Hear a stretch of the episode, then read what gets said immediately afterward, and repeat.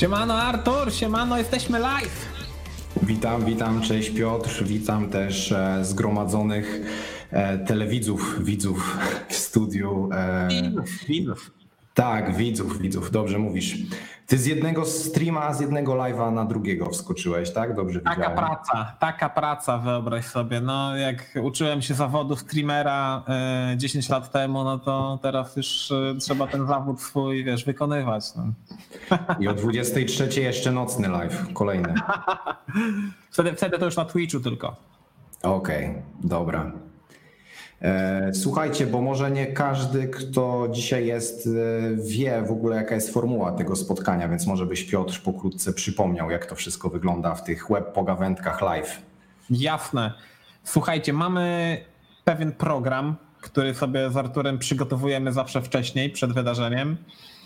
I w oparciu o ten program toczymy rozmowę, jakby prowadzimy rozmowę z wami, bo to nie jest tylko rozmowa pomiędzy mną i Arturem. Zapraszamy do rozmowy też w komentarzach, gdziekolwiek nas oglądacie, czy na Facebookach, czy na YouTubach, bo to są teraz e, dzięki mm, StreamYardowi, czyli tej platformie, której używamy do naszego live'a, możemy być na czterech symultanicznie czy tam jednocześnie, nie wiem jak to się po polsku mówi, jednocześnie. Jednocześnie. Jednocześnie, no. Więc yy, tak, więc mamy, mamy program, mamy ramóweczkę, zaraz włączymy slajdy i my będziemy te slajdy po prostu przechodzić. W tych slajdach zawsze są informacje wybrane przez nas, e, takie, takie można powiedzieć wisienki na torcie tego, co się stało od ostatnich, webo, od ostatnich webowych pogawętek. Mm, mamy już w sumie taki trochę cykl, że zawsze ten czwartek, nie Artur? Czwartek albo środa, ale chyba częściej w czwartek było. A czwartek jest myślę, że spoko terminem takim na, na, na takiego live'a. Jak najbardziej. Dajcie znać, czy czwartek, czy środa wam bardziej pasuje.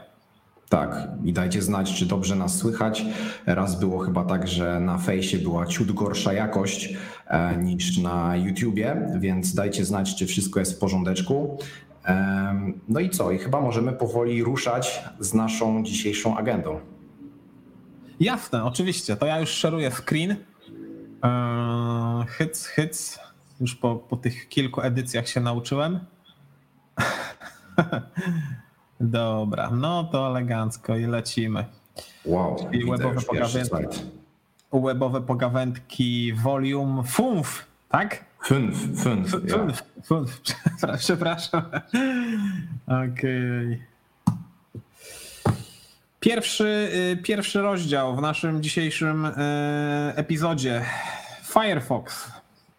Tak, wyszedł Firefox e, w nowej wersji i w zasadzie mm, tutaj są dwie ważne jakby feature'y, które zostały dodane. Jakbyś odpalił ten link, to byśmy zobaczyli dokładnie, ale pierwszy feature, który myślę, że, że zasługuje okay. na. Czekaj, odpalę inaczej ekran cały. Okej, okay, okej. Okay. Pierwszy feature, który zasługuje tutaj na propsy, to jest taki domyślnie wbudowany menadżer haseł, który mm, wykrywa e, w sytuacji, gdy dojdzie do jakiegoś wycieku haseł, to Mozilla przeanalizuje oczywiście w bezpieczny sposób, czy nasze hasło, e, które używamy w jakimś serwisie, wyciekło. Więc w sytuacji, gdy jakieś hasło wycieknie, e, Mozilla nas poinformuje o tym. I teraz pytanie do Ciebie, Piotr, czy Ty w ogóle używasz jakichś menadżerów haseł, czy nie należysz do tej grupy ludzi? Używam. Używam i trochę nie używam. Rozwiń, rozwiń, gdybyś mógł, co to jasne, znaczy, że jasne, używasz. Jasne. No bo w internecie jakby mam już swoje konta od tylu lat, od kiedy jeszcze nie było wtedy password managerów i część takich haseł do dostępu mam w głowie. Mhm. Y, a część mam po prostu w Password Managerze i ze swojej strony polecam One Passworda. Nie wiem, e, kiedyś używałem KeePassa, ale no jakby ten One Password e, w pewnym momencie zrobił na mnie lepsze wrażenie z, e, z integracją w przeglądarce. Tam mam takiego shortcuta, gdzie mogę sobie szybko sfilować forma, wypełnić formularz Mhm. Nie wiem, czy z KeePassem też tak można, że tam naciskasz e... na klawiaturze i ci się dane automatycznie wrzucają. Dawno temu korzystałem z KeePassa, ale to było tak dawno i, i, wtedy pamiętam, że trzeba było mieć plugin w przeglądarce specjalny do KeePassa e, i jeden z powodów, dla którego zrezygnowałem z KeePassa wtedy, to było to, że ten plugin, przynajmniej u mnie wtedy czasami zawodził, a jednak menadżer haseł po prostu powinien działać. No to prawda, to prawda, co jak co, ale dostęp do haseł, czy tam po prostu hasła, no to jest jedna z ważniejszych rzeczy, jakie mm, musimy zapisać sobie, czy tam po prostu przetrzymywać gdzieś tam, nie? Mhm. Jeśli się dostęp albo po prostu będzie jakieś ryzyko, no to a drugi feature, który jest e, dosyć fajny w Firefoxie, to e, taki ten picture in picture, czyli na przykład e, w sytuacji, gdy ktoś ogląda nas teraz na YouTubie i chciałby sobie wejść na Face'a, to mógłby odpalić sobie mm, filmik z YouTube'a jakby tak z boku e, strony, tak? Czyli tak jakby miał po prostu takie okienko z jakiejś aplikacji natywnej z, z, systemu i po prostu w trakcie przeglądania jakichś newsów, czy nie wiem, wchodzenia na pocztę cały czas by mógł nas widzieć e, w podglądzie. I to jest oczywiście e, do osiągnięcia z użyciem pluginów, są takie pluginy, e, ale tutaj w Firefoxie będziemy mieli to wbudowane i uważam, że jest to całkiem fajna opcja. Mm, to prawda, to prawda. Mm, z tego co jakiś czas temu też nie wiem, gdzie się dowiedziałem, ale dowiedziałem się o, o jakiejś takiej przeglądarce, która w której to otwierasz sobie adres URL i ona tylko e, pozostawia ci ramkę, e, tą systemową ramkę, nie? w sensie tę mhm. ramkę z, z, z programu okay. uruchomionego w systemie operacyjnym, a resztę jakby nic nie jest widoczne, żadne paski, żadne bookmarki, taby, nic nie jest widoczne. Więc mhm. no ten pattern, ten patent z, z takim pozbyciem się wszystkiego dookoła, co może rozpraszać, co nie, nie jest ci potrzebne, jest uważam bardzo pomocny. Nie? To jest coś, co też w edytorach kodu mamy, mamy taki tryb Zen mode hmm, w Visual ja Studio czy w WebStormie i wtedy jak, jak potrzebujesz się sfokusować tylko na tych literkach w kodzie, no to jakby wchodzisz w Zen mode i, i tylko widzisz ten kod, nie widzisz niczego dookoła. Nie? Mhm, tak, to jest, to jest bardzo fajna opcja. No i też zauważyłem, że właśnie ogólnie przeglądarki internetowe w ostatnich latach bardzo się tak uszczupliły, jeżeli chodzi o ten interfejs, bo jednak jak pamiętam stare czasy Mozilla, Firefox, czy nie wiem, jakieś tam opery, to często ten interfejs był przeładowany jakimiś pierdołami i albo to trzeba było po prostu ukrywać, albo e, po prostu cię to denerwowało przez całe użycie, przez cały czas użycia. Mhm. Ja. Tak, i, tutaj, i tu jeszcze może jeden szybki temat. E, czy spotkałeś się z tym, że ludzie są przeciwni korzystania z menadżerów haseł? Przeciwni? No na pewno, no jakby zawsze są. E, zawsze są plusy i minusy. No minusem może być to, że komuś oddajesz, oddajesz jakie, jakiejś aplikacji w ręce wszystkie swoje hasła i trudno powiedzieć, czy ta aplikacja nie wysyła tych haseł do wielkiej bazy danych. Tak. No to nie wiem, czy to nie jest coś pokroju, e, jak to się mówi, e, że, nie, nie, że to nie jest sensacja, tylko że ktoś jest takim. No, jak na przykład płaskoziemcy, no, rozmawialiśmy aha, o nich. Aha, rozumiem, rozumiem. Jakaś, czyli taka jakaś teoria spiskowa, tak? O, właśnie, że... teoria spiskowa, no dokładnie. Aha, okej. Okay. No. Że ktoś odbiera te, te, że są osoby, które nawet w Kipasie yy, doszukają się teorii spiskowych, że no jednej firmie mm, udostępniasz wszystkie swoje hasła i no jakby nie wiadomo, czy się to kiedyś nie opublikuje. Mm -hmm. No nie wiem, ja akurat bardziej chyba ufam właśnie takim sprawdzonym narzędziom i tym, że w każdym serwisie masz silne hasło i w każdym serwisie masz inne hasło niż nieużywania menadżerów i tak naprawdę spowodowania, że albo masz w każdym serwisie to samo hasło, czyli jeżeli zostanie one skompromitowane w jednym miejscu, jeszcze nie daj Boże używasz tego hasła do e-maila, to nagle się może okazać, że po jednym wycieku ktoś może ukraść Twoją tożsamość w całości. Także wszystkim polecamy albo korzystanie z menadżerów haseł, albo skorzystania z bardzo silnych haseł i wszędzie innych, albo po prostu używania two-factor authentication w ważnych miejscach. Mm, to prawda. To prawda. Są komentarze. Yy, poczytamy trochę, Artur, komentarze? Oczywiście, bo od tego one są. Oczywiks. Yy, Kipas wymiata.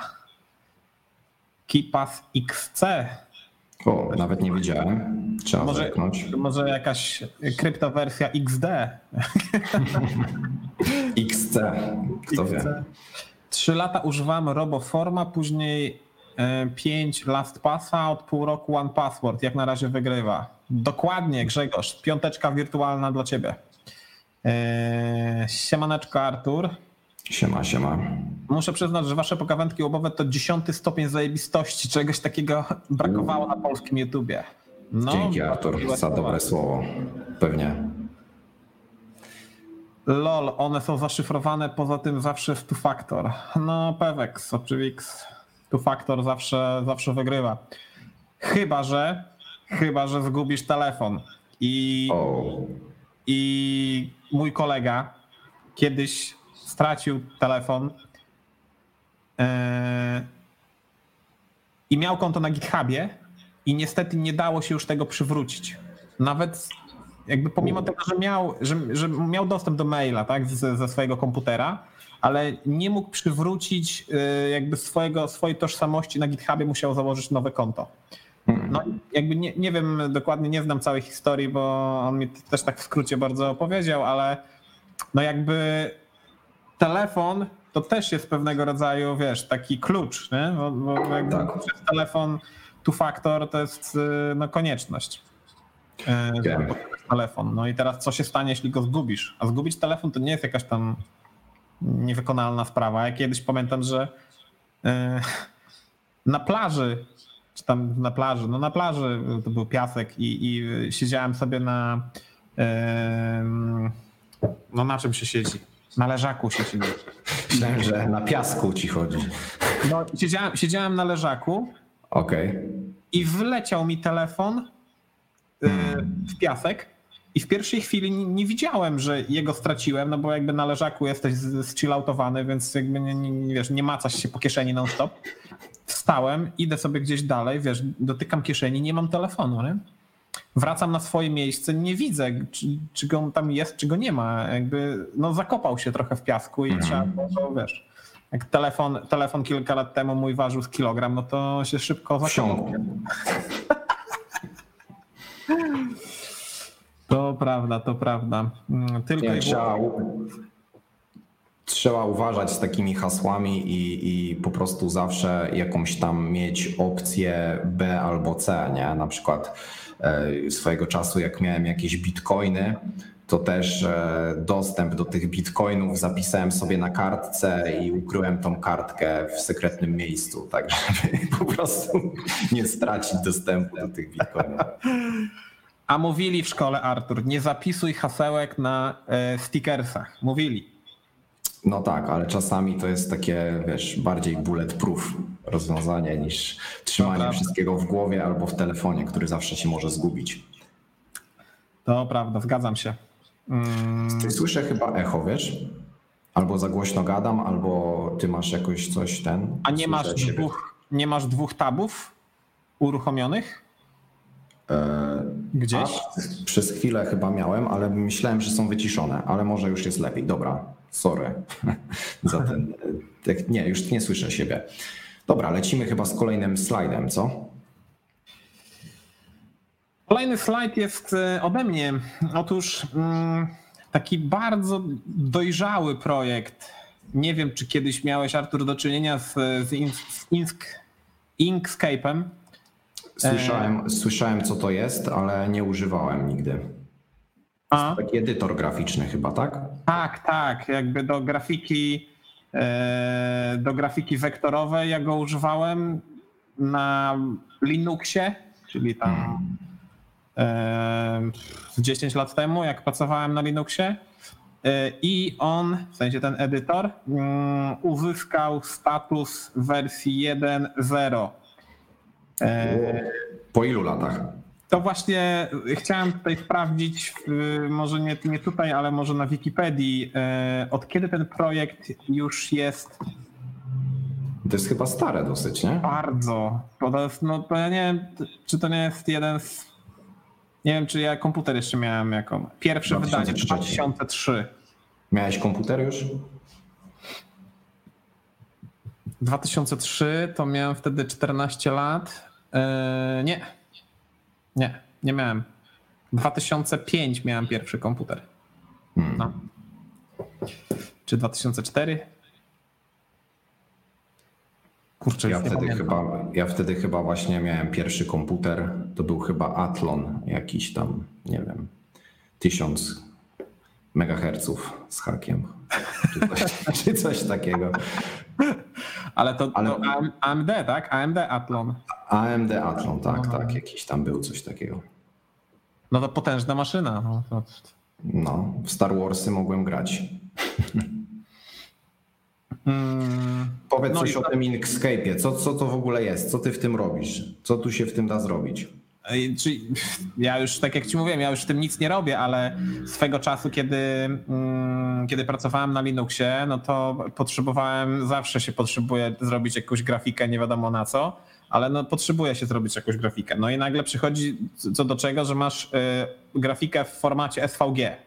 I co, co to co, jakby, co to jest? Jakby, ja zawsze na JPEGach pracowałem i co się dzieje? Nagle nie, nie mogę tego otworzyć. W, mm, w, Gimp, nie w Gimpie, tylko tam e, no, w jakimś tam e, edytorze po prostu do grafiki e, bitmapowej. Nie, nie mogę otworzyć SVG. Co jest? Wchodzę na jakieś tam dobre programy czy coś tam, nie wiem, kiedyś były takie strony i polecają Inksk, Inkscape'a. No to zainstalowałem tego Inkscape'a, czy to ze Stack Overflow, czy to na dobrych programach właśnie wyczytałem, że jest on potrzebny. Włączam i jest GIMP we, wersja druga, w sensie y, brat bliźniak jak GIMPa, bo te kontrolki, w ogóle ten interfejs, to zawsze na Linuxie było coś, co nie, nie spotykało się z moim uznaniem. No a kiedy tworzysz grafikę, no to jakby potrzebujesz jakiegoś dobrego interfejsu sensownego.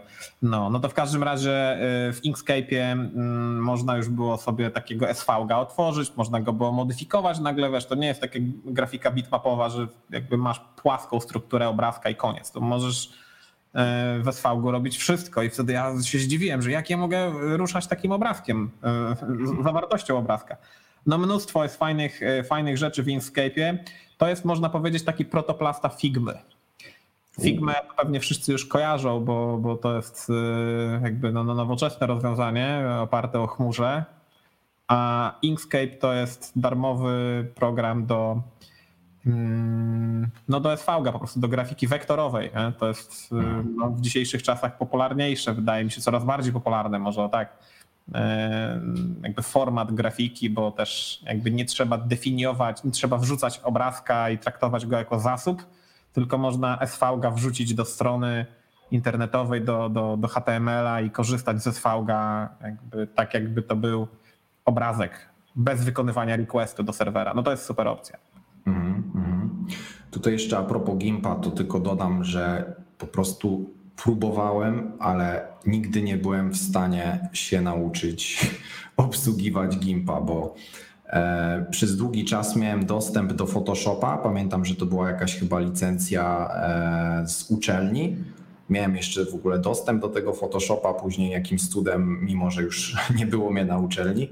E, a później już jakoś, e, nie wiem, zrobiłem formata czy tam coś i już nie mogłem korzystać z tego Photoshopa. Zainstalowałem Gimpa i po prostu w tym cholerstwie nic nie byłem w stanie zrobić i zacząłem korzystać po prostu z jakichś tuli online, nie? Na przykład tam, nie wiem, z Canvy czy z Adobe Spark, bo po prostu tam zawsze było mi wygodniej zrobić to, co potrzebuję, niż w Gimpie. Po prostu, no Gimp był dla mnie przerażający. Oczywiście potem, jak korzystałem z Photoshopa, tak, bo miałem dużo jakichś takich przyzwyczajeń z Photoshopa, że mam warstwy, jak się tymi warstwami działa, a później w Gimpie po prostu, wiesz, wszystko inaczej, tak jakbyś się przesiadł, nie wiem, z Androida na iOS-a. Domyślam się, domyślam się. y, Też tam na, na Gimpie popełniłem chyba jakąś kiedyś grafikę jedną, ale właśnie najgorsze jest to, że kiedy no po prostu takie ludzkie przyzwyczajenie, tak? Że kiedy pracujesz na Photoshopie, łapiesz szybko ten interfejs, no bo jakby ktoś wymyślił ten interfejs sensownie i, i przyzwyczajasz się do takiego interfejsu, że tu masz ikonki, tu masz paski, tu masz Tak. warstwy, wszystko śmiga. Później, Skróty. tak, skróty. Później wchodzisz do Gimpa, ikonki, e, okienka latają, czyli wszystko jest płynne. No i to, przepraszam, Ferrari pojechał. Kolega z podbloku ma. W każdym razie, yy, no na Gimpie to jest sztuka pracować, chyba że, chyba że od początku byś pracował na No Gimpie. właśnie.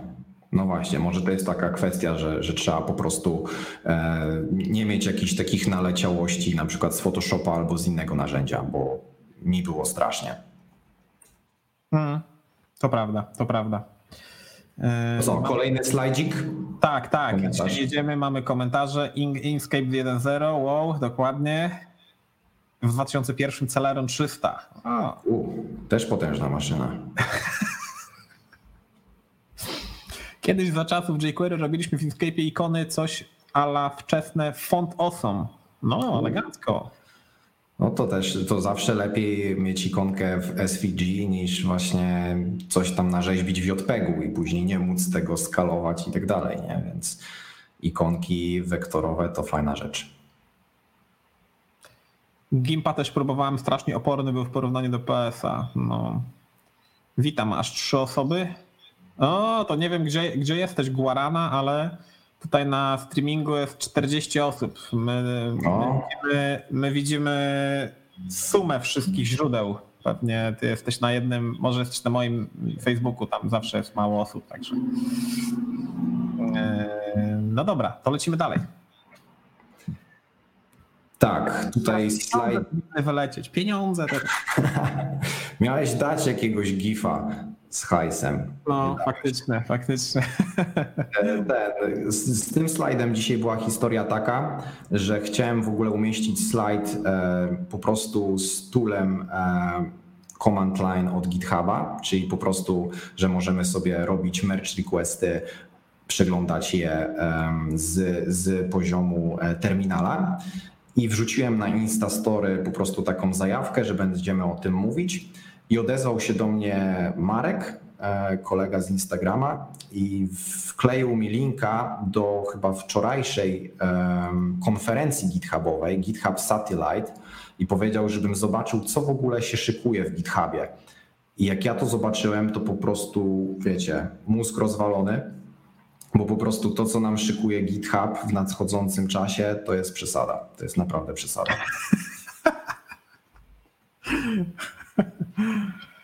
No, tak. Znaczy, no powiedz, powiedz Piotr, co tutaj, czy zapoznałeś się z tym, co było na tym GitHub Satellite, jak, jak w ogóle? nie, nie, nie, nie przeglądałem e, wszystkich zmian, które, wszystkich feature'ów, które GitHub oferuje, ale e, mój kolega Piotrek Koszuliński, który pracuje w CK Source, to jest firma, której produktem jest e, CK Editor. Mm, Nie wiem, czy, czy korzystałeś kiedyś, Artur, z takiego Korzystałem, korzystałem. Mam nawet w jednym projekcie ciągle starą wersję, jakąś tam czwórkę czy trójkę nawet. O, no to y, GitHub użył jakiejś tam lightowej wersji y, CK Editora do swojego y, do swojego editora GitHub Writer, coś takiego, GitHub Writer. Y, może na tej stronie też będzie? Nie, nie ma. Y, o tutaj. No i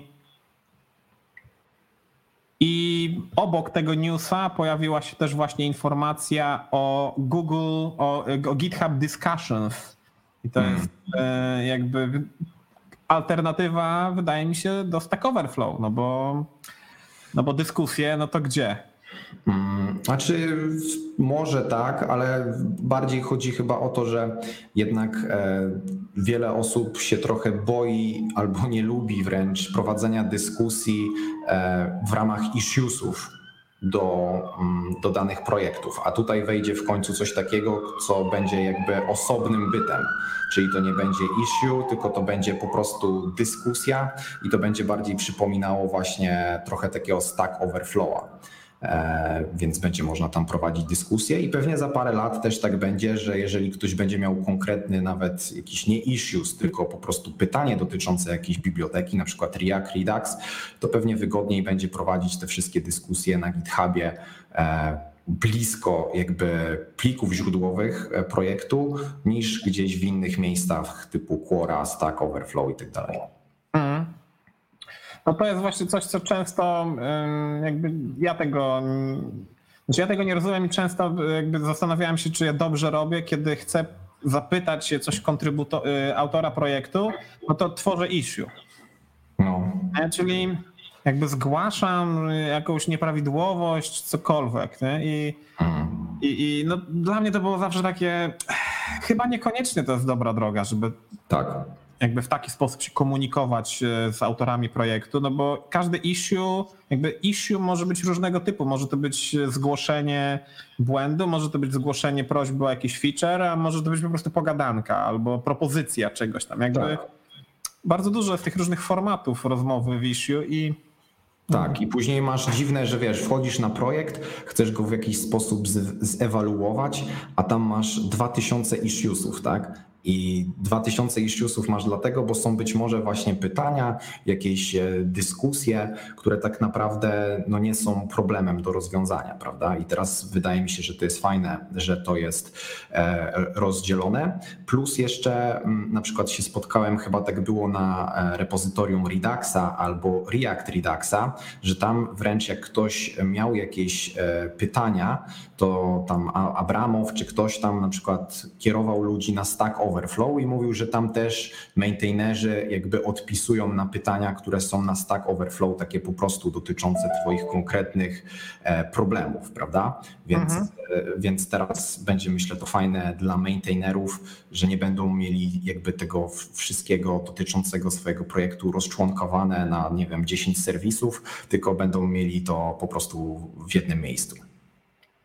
No to prawda, to prawda. I też wychodzenie z serwisu, żeby gdzieś indziej pogadać, to wszystko, wszystko się przecież na GitHubie jakby, no większość, może nie wszystko, ale większość yy, open source'a dzieje się na GitHubie i nagle żeby, żeby pogadać, to wchodzisz na Twittera, zaczepiasz y, autora, a co jeśli ten autor jakby nie jest dostępny, tylko no tak. i tak dalej. No to może być, y, może być niekoniecznie takie optymalne dla e, osób zajmujących się, prowadzących projekt. No, tak. mm -hmm. To prawda. E, zobaczmy może jeszcze inne feature'y, bo oprócz dyskusji jest parę ciekawych rzeczy. Jedna rzecz to jest w ogóle Code Spaces. I tutaj w momencie, gdy ten feature wejdzie i już będzie w ogóle dostępny, to mega współczuję ludziom, którzy rozwijali Code Sandboxa, bo to jest tak naprawdę Code Sandbox E, czyli po prostu masz projekt i możesz go wręcz odpalać, kompilować, startować e, wewnątrz GitHuba, tak jak możesz to zrobić w Code Sandboxie albo na swojej lokalnej maszynie, więc to też jest w ogóle moim zdaniem e, game changer. I w połączeniu na przykład z tym, bo pamiętam chyba dwa odcinki temu mówiliśmy o GitHub Actions, E, w międzyczasie GitHub Actions trochę sobie ogarniałem e, tak na własną rękę i u nas na jednym projekcie przenieśliśmy w ogóle wszystkie automatyczne testy na GitHub Actions. To też jest w ogóle przesadzony feature, bo tam tak naprawdę GitHub Actions to jest, że możesz sobie wykonywać kod. I to może być kod w JavaScriptie, w, w innych językach. Możesz w ogóle stawiać sobie mm, środowisko z Dockerem, czyli możesz tak naprawdę odpalić dowolną aplikację, którą masz zdokeryzowaną wewnątrz GitHub Actions. Możesz korzystać w ogóle z jakichś takich jakby gotowych instancji GitHubowych, które ci oferują bazę danych, czyli nawet jak nie chcesz mieć zdokoryzowanej, to sobie ją stawiasz e, po prostu wewnątrz GitHub Actions, opisując tak naprawdę to, co chcesz zrobić YAMLem. Więc naprawdę w ostatnich dniach to, co się dowiedziałem na temat GitHuba, to myślę, że nie jedna firma e, po prostu już nie będzie miała co robić, bo będziesz mógł to, co dotychczas, dotychczas miałeś tam, nie wiem, na semafor, na jakimś Circle CI i tak dalej, po prostu przeniesiesz to na GitHuba, bo tam większość ludzi trzyma kod i pozamiatane. Jak najbardziej. Ja y, też y, podobnie tak jak i ty trochę testowałem GitHub Actions i y, znaczy może nie, nie, nie, nie w, takim, w takim stopniu jak ty, ale no ja po prostu zrobiłem trzy projekty, takie testowe projekty, gdzie testowałem aplikację angularową, no i tu akurat testowałem serwisy angularowe i zrobiłem integrację właśnie z GitHub Actions i to wystarczy stworzyć takiego YAMLa, gdzie mhm. najważniejsza część jest tutaj, czyli jakie polecenia mają się uruchomić i wcześniej się jakby definiuje jakiego obrazu, tak? Jakiego, z jakiego obrazu się korzysta, czyli już predefiniowana wersja, predefiniowane wersje Node'a, że to będzie Node i tak dalej. No to jest, to jest niesamowite, yy, bardzo łatwe, bardzo takie przyjemne. Ten, ten format YAML też jest Yy, no wygodny po prostu, nie? nie trzeba tak jak w JSONie definiować wszystkich klamerek i martwić się, czy przecinek jest na końcu, czy nie. Mhm. Tutaj też jeszcze masz kwestię taką, że możesz wybrać system operacyjny, na którym odpalasz w ogóle te akcje. E, nie testowałem, ale widziałem, że możliwe jest odpalanie akcji w ogóle jakby na instancjach z Mac OS, OS-em co dotychczas było mega problemem, na przykład jak chciałeś budować sobie mm, jakieś apki, e, nie wiem, napisane w Swiftie czy w Objective-C, e, mhm. nie, nie, nie każdy CI to po prostu ogarniał, e, a teraz tak naprawdę możesz znowu robić to po prostu w GitHubie, nie? I, i no to, jest, to jest przesada, jak ten ekosystem po prostu ostatnio się rozwinął.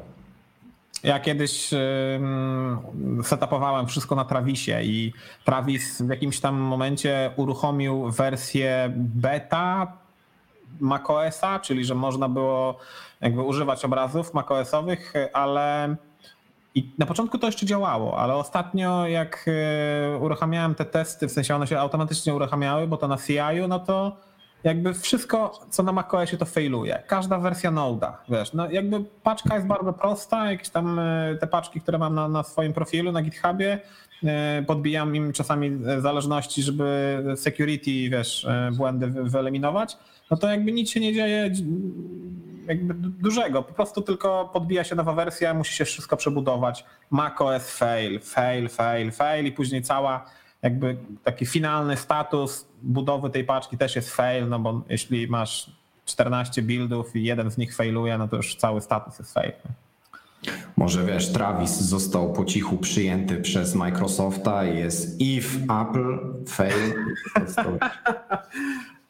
wiesz co, bardzo możliwe, że coś w tym jest, bo ten if jakby bardzo szybko się uruchamia. No, jakby uruchamia się job na macOS, kilka sekund, ciach, kilka sekund, ciach, nie? Albo Coś musisz zapłacić za wersję y, Apple Certified i wtedy masz, wiesz, masz Travisa działającego. Ten Code Labs, y, który tutaj mamy, bardzo jest, Code Spaces, przepraszam, jest bardzo podobny do Visual Studio Code. E, tak, tak, tak, tak, tak. I tutaj też e, do tego jeszcze nie doszedłem, ale też e, w tych prezentacjach z, z tej konferencji GitHubowej też było o planach, jak GitHub ma współpracować z Visual Studio. I tutaj jakby do tego jeszcze nie dobrnąłem, więc nie mogę za dużo o tym powiedzieć. Też coś tam słyszałem o w ogóle jakiś, że można nawet hostować własną instancję GitHuba. Nie wiem w ogóle o co chodzi. Czy to jest kolejny pomysł GitHuba, że będziesz mógł go w jakiś sposób hostować na swoim serwerze. Nie wiem, może źle to zrozumiałem czy coś, ale naprawdę ta ostatnia konferencja, e, możecie sobie ją sprawdzić na GitHubie, GitHub Satellite 2020 e, jest po prostu naszpikowana różnymi e, ciekawostkami i nowościami. Więc jeżeli ktoś jest zainteresowany ekosystemem GitHuba, i ma trochę czasu, to zachęcam, żeby zapoznać się po prostu z tymi tokami. Jeśli wrócilibyśmy do tego CLI-a, o którym mówiłeś wcześniej, to ja swego czasu też używałem CLI-a do tworzenia pull requestów. Do e, pull request.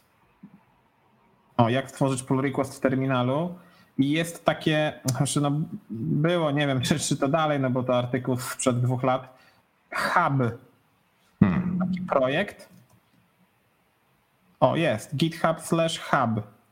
I, hmm. i No, z użyciem huba, podobnie tak jak z użyciem tego oficjalnego CLI-a, e, dało się wystawić pull request jedną linijeczką, więc e, no pewnie podobnie to jest teraz w CLI-u tym oficjalnym. Ja nie używałem tego oficjalnego, więc nie wiem jak to wygląda, ale...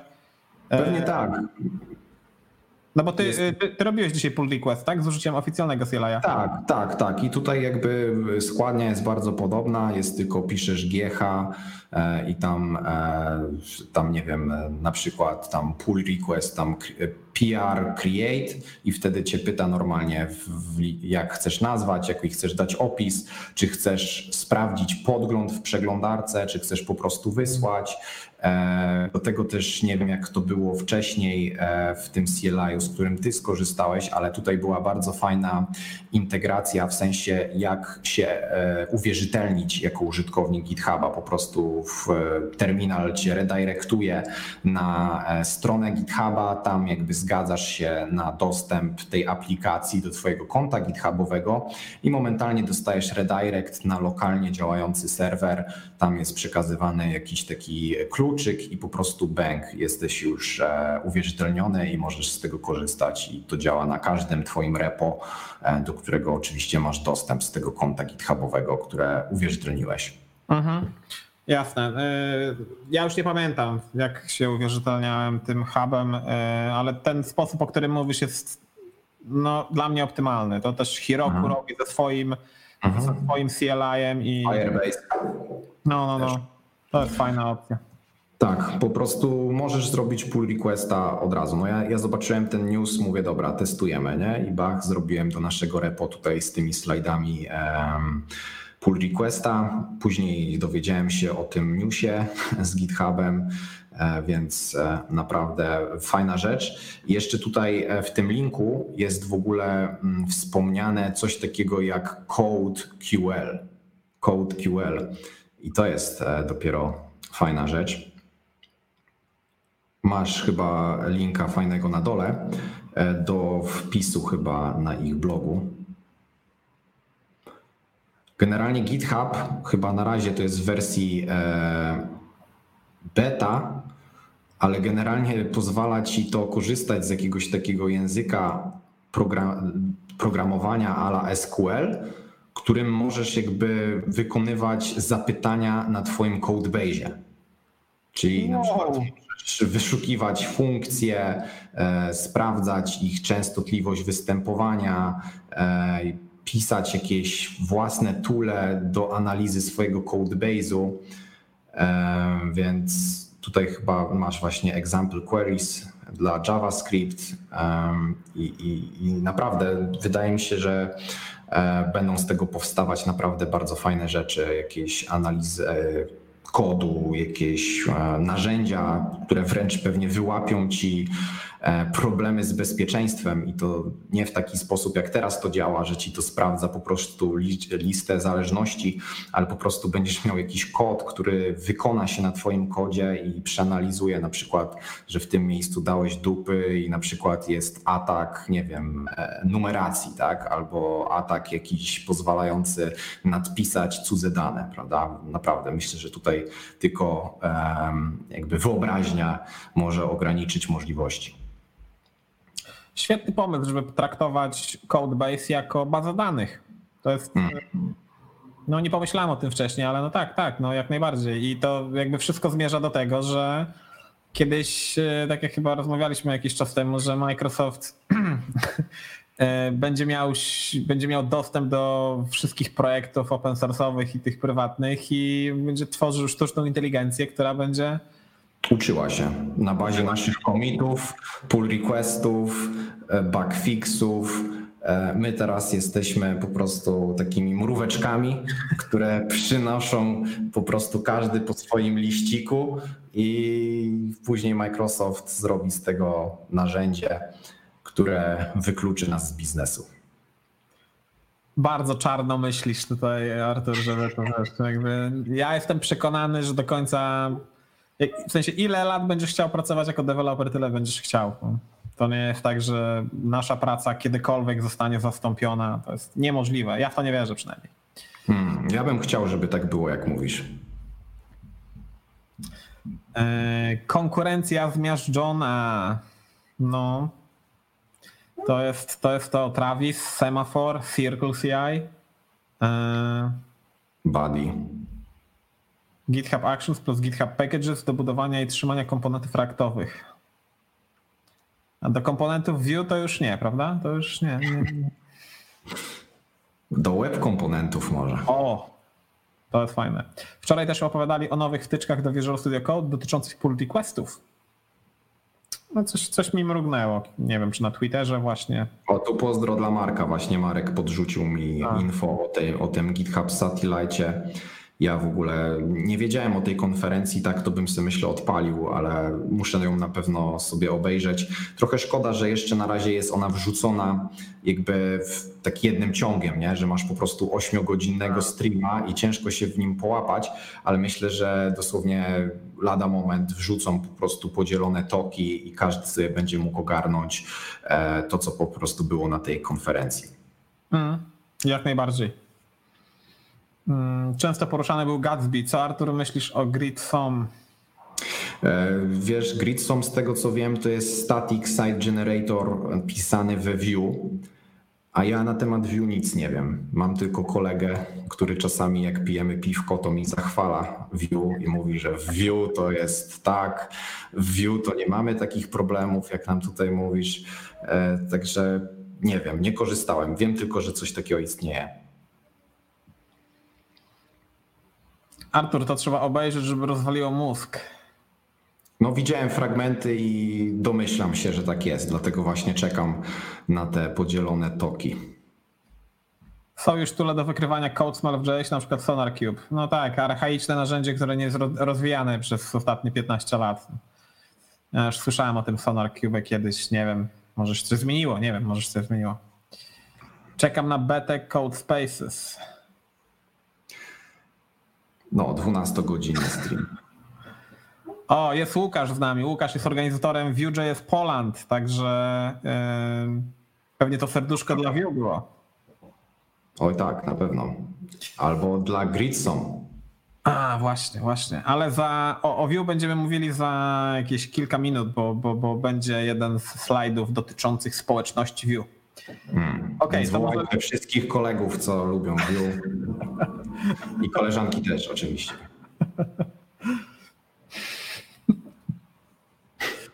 Okej, kolejny news. Też, który rozbija bank, jakby kolejna firma. Microsoft, wyobraźcie sobie, przeznaczył miliard, czyli taką dużą, Przeznaczyć. dużą bańkę na transformację cyfrową w Polsce. Może Znaczy, wiesz, zanim, zanim pójdziesz dalej, no, to tylko ch- chciałbym się przyczepić odrobinę do tego tytułu.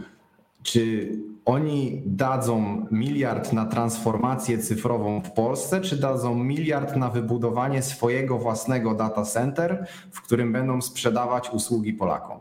Ależ ty się czepiasz, Artur. No przecież to jakby.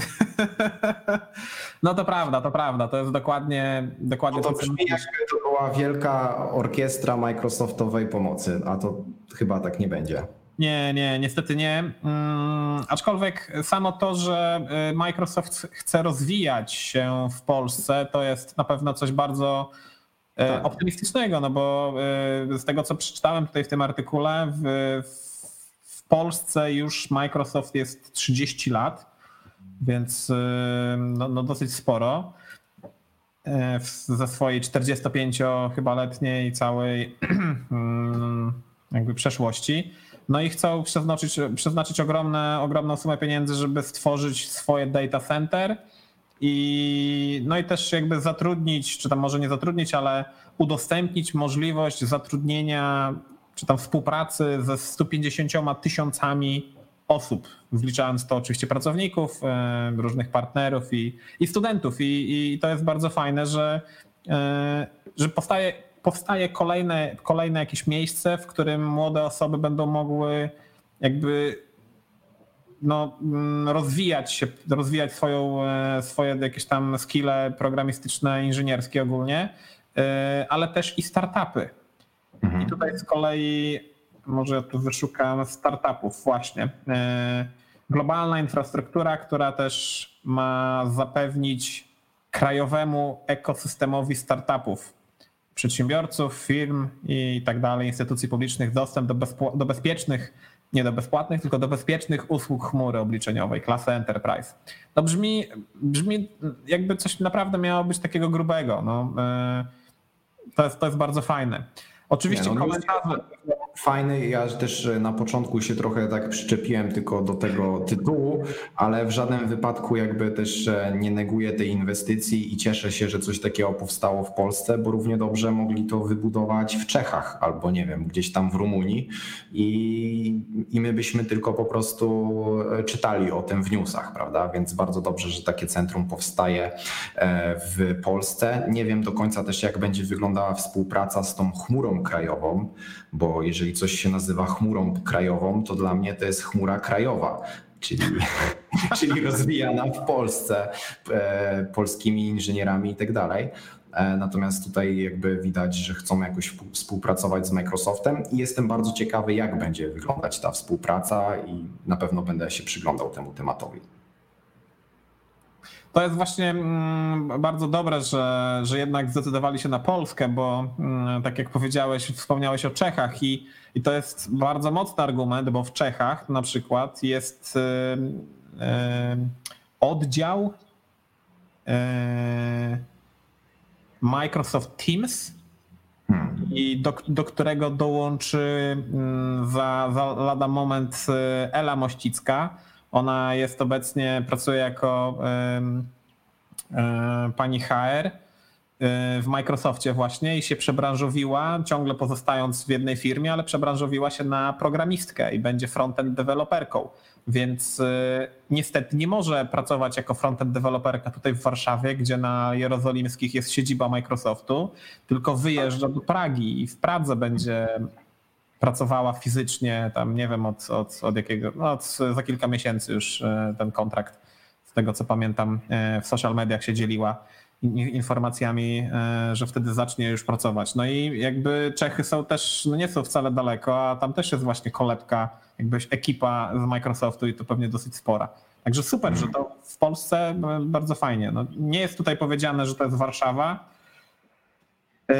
więc no, ciekaw jestem gdzie dokładnie, mm, ale coś, coś, co jeszcze chciałem Ci pokazać, to czy nie wiem, czy to jest w sumie sensowne, żebyśmy o tym rozmawiali, ale komentarze, które są tutaj na Antywebie, to, jest, to jest niesamowite, co ludzie piszą i, i e, tutaj znalazłem pewien taki bardzo interesujący wątek, że pan Adam mówi, że to była bardzo zła decyzja polskiego rządu, że jeszcze bardziej to powiększy monopol Microsoftu i ktoś mówi, ktoś się pyta, to wymień lepsze polskie rozwiązania chmurowe. No i pan Adam mówi choćby o Onecie i później komentarz. Onet tym hitlerowskim, okultystycznym szpiegom nie powierzyłbym nawet listy zakupów. Jakby no, naprawdę komentarze, komentarze są też e, e, no tak nie wiem, czy to jest uzależnione od antywebu, że to na antywebie jest ten news, czy, czy jakby po prostu ludzie na Microsoft dziwnie patrzą. Hmm, nie wiem, może to jest kwestia braku moderacji komentarzy po prostu. A. Bo wchodzisz, wchodzisz na inne miejsca i po prostu jak ktoś pisze takie pierdoły, to jest po prostu wycinane, no, a, w, a w antywebie chyba po prostu nikt tym się nie zajmuje albo zajmują się tym opieszale i później taki rak content się pojawia tam w komentarzach. Jasne, lećmy dalej. Hmm. Lećmy, lećmy, bo czas nas goni bardzo. E, tak, tutaj mamy fajny tool, e, tym razem nie od Microsoftu, ale od Google'a.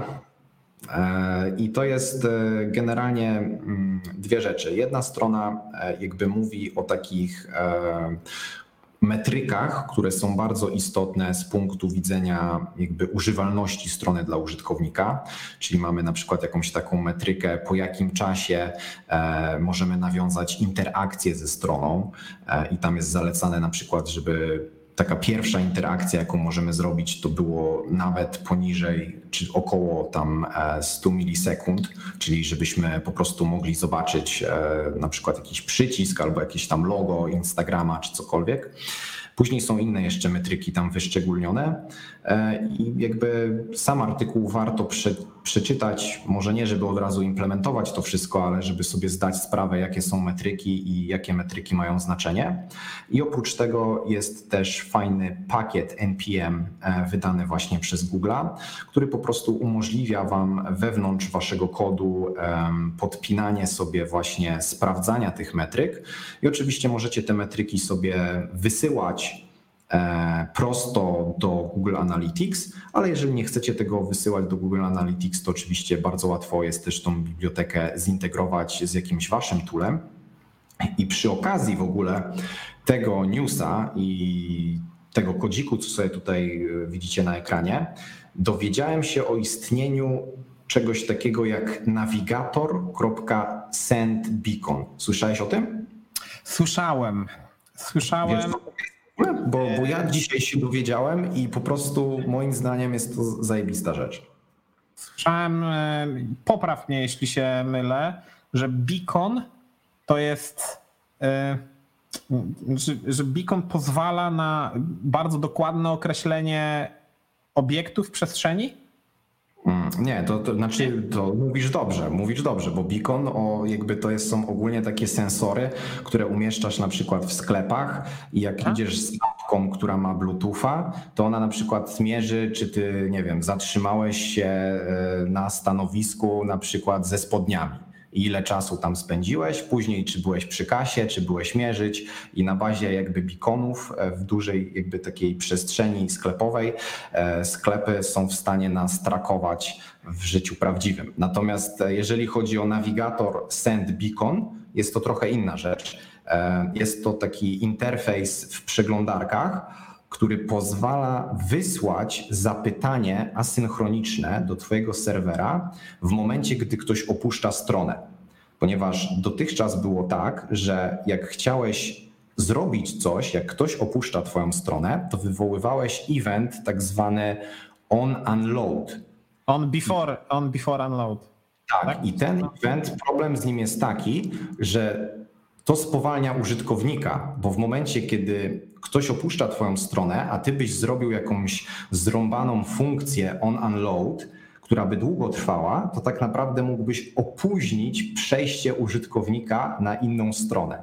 A jeżeli używasz API tego send e, beacona, to wtedy to w asynchroniczny sposób wysyła informacje, na przykład jakieś cookiesy albo user agenta albo cokolwiek o użytkowniku w taki sposób, że nie blokuje to przeglądarki. Ziomuś może pójść sobie już na Onet, a w tle leci tam to zapytanie już do tego twojego w cudzysłowie beacona, więc bardzo fajna rzecz.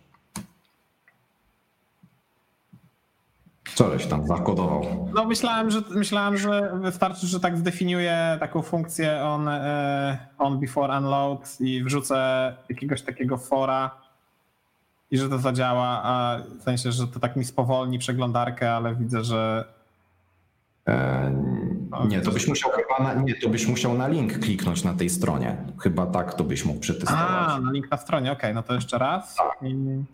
Nie wiem, czy to zadziała, szczerze powiedziawszy. Tak, tak, rozwaliłem GitHuba teraz, kurcz. No i teraz streama na mnie, Żebyś streama na mnie rozwalił. Ty, w, w, ty nie mogę, zawiesił mi się Chrome. Artur, Artur poważnie. No, widzisz, będzie, widzisz. będzie pierwsza przerwa w streamie. No nie wiem. Ale...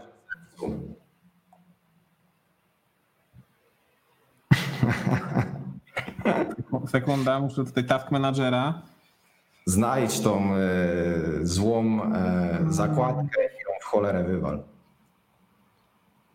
Nie mogłeś wpisać tysiąc, nie? No właśnie, no. No właśnie. O Jezu, 150% CPU. Dobra, dobra, poszło. Uf. No i teraz już będziesz wiedział, do czego służy beacon. Czyli beacon jest, nie jest uruchamiany w kontekście, w kontekście strony, tylko przeglądarki. E, chyba tak, chyba tak. No bo stronę możesz szybko zamknąć, a mówisz, że ten beacon i dalej będzie działał, jakby wyśle te dane. Tak, tylko jakby w dokumentacji, jak sobie sprawdzisz dokumentację tego beacona, no to generalnie tam jest coś napisane takie, że to są jakieś lekkie e, operacje, tak? Więc to jest po prostu call do jakiegoś endpointu. I nie wiem szczerze powiedziawszy, czy ty tam możesz, e, nie wiem, wrzucić e, referencję do jakiejś funkcji, która nie wiadomo ile się będzie wykonywać, bo jeżeli to było tworzone właśnie z myślą o tym, że wysyłasz wiesz, jakieś proste informacje, a nie, że nie wiadomo, co tam robisz, jak gościu opuszcza twoją stronę, to pewnie to może być jakoś limitowane, ale tutaj jakby ręki sobie nie dam uciąć i może to nawet zależeć od implementacji w danej przeglądarce. Czyli w Firefoxie zrobi on to tak, a w, może w Microsoftie to w ogóle nie działa, więc tak to wygląda. Jasne. E, są komentarze. Mm, beacon to ta technologia wykorzystywana w telefonach komórkowych. No pewnie też.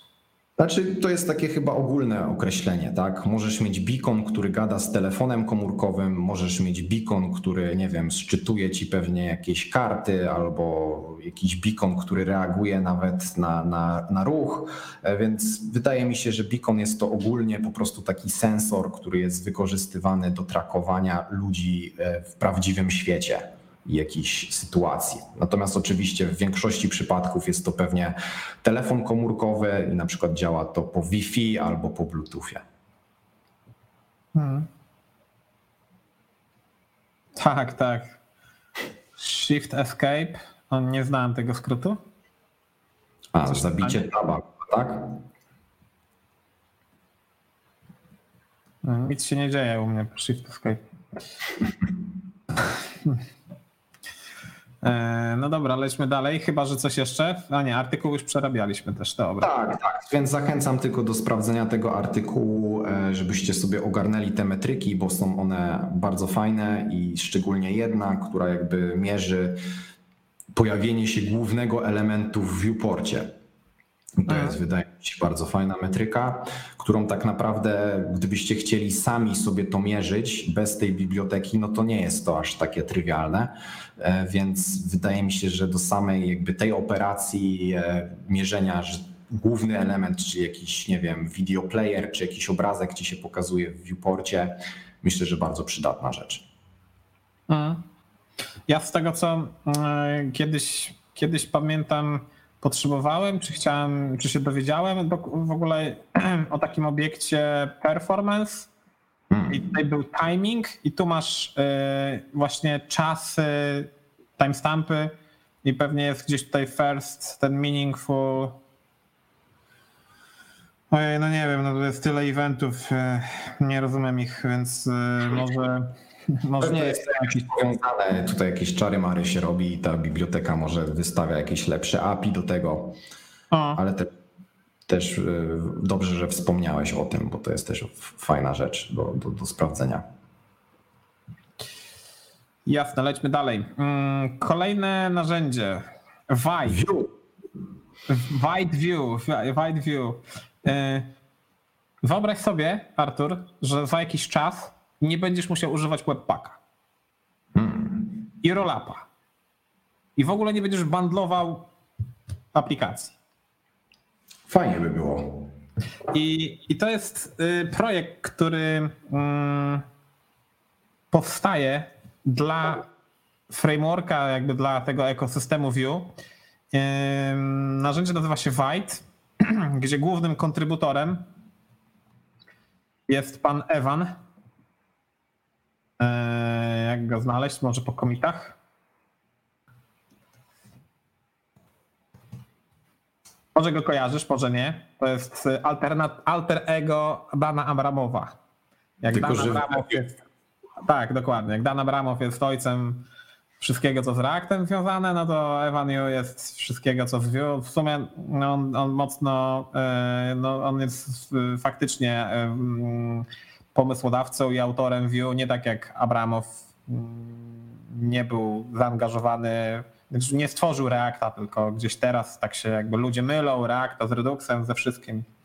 W każdym razie mm, Evan View, e, tak jak to możecie zobaczyć tutaj po, mm, jak to nazwać, po tej hitmapie, że od kilku dni ma bardzo dużo kontrybucji.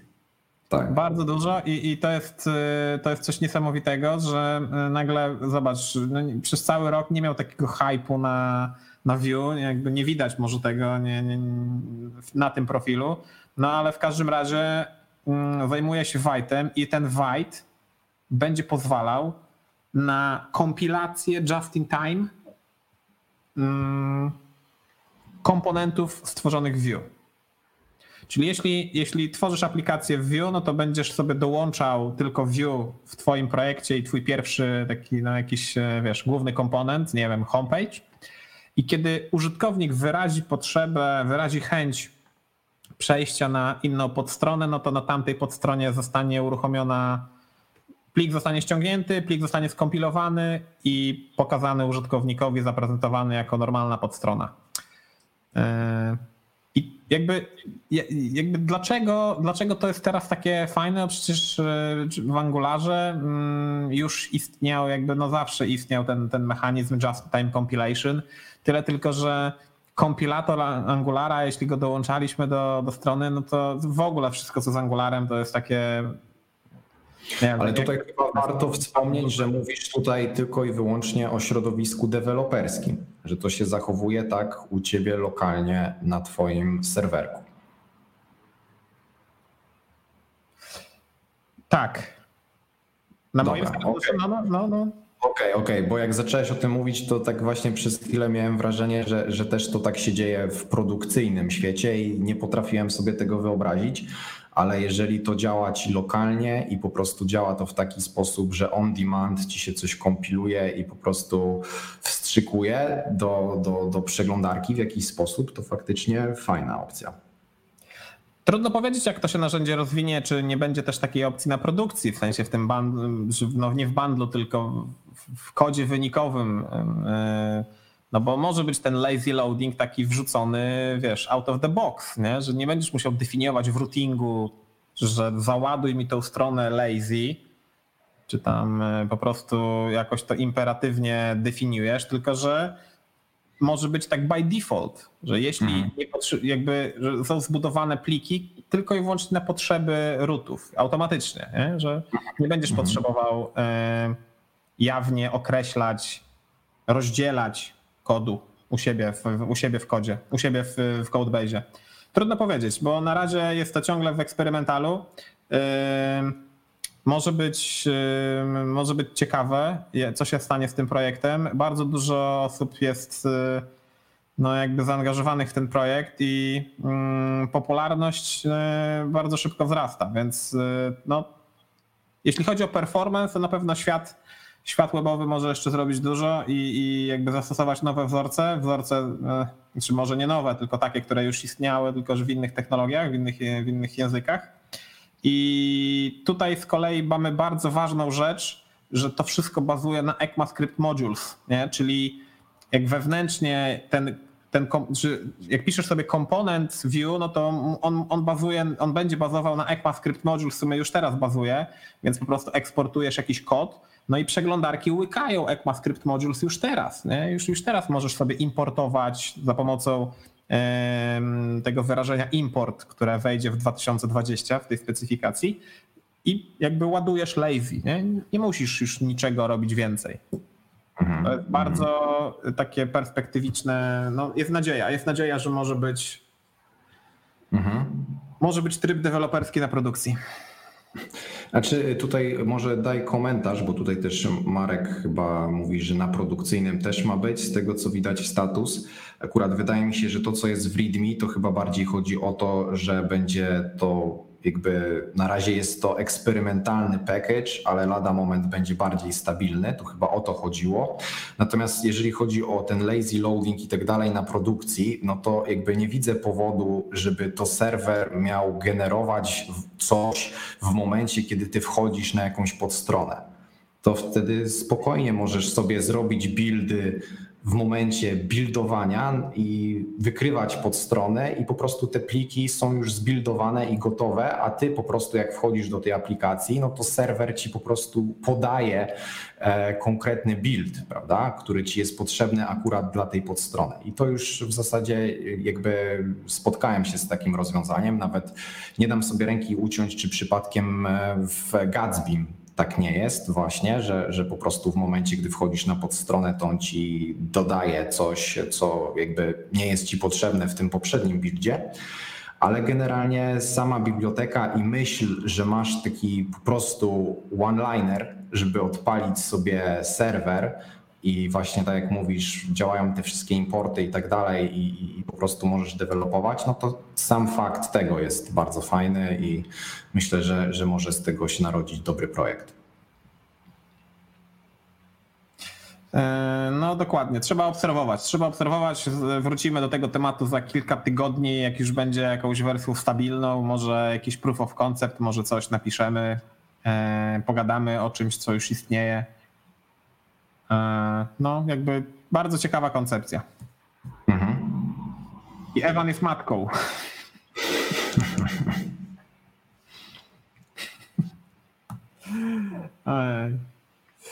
E, chciałem Wam mm, w kolejnym slajdzie tutaj powiedzieć e, trochę o Dino, o Deno. Mianowicie powstał bardzo, bardzo konkretny, merytoryczny, krótki film, 100-sekundowy na temat Deno i jeśli ktoś jeszcze nie miał doświadczenia z Deno, słuchajcie, to jest bardzo szybko e, jednym zdaniem, to jest runtime dla TypeScriptu. Czyli to nie jest tak jak Node, który jest runtime'em dla JS-a, tylko w Dino uruchamiamy prosto TypeScript, bez fazy kompilacji. I Deno za tydzień będzie miał pierwszą swoją wersję stabilną. 1.0. Więc wtedy może już yy, pogadamy dłużej o tym. No, Szybciej jak... zajęło niż Inkscape'owi. no, no, jakieś 20, lat, 20 razy szybciej. E, tak, tak, to prawda. Chciałem wam przekazać, pokazać e, szybkie demko. Może, może następnym razem, bo czas nas goni, jest godzina 10.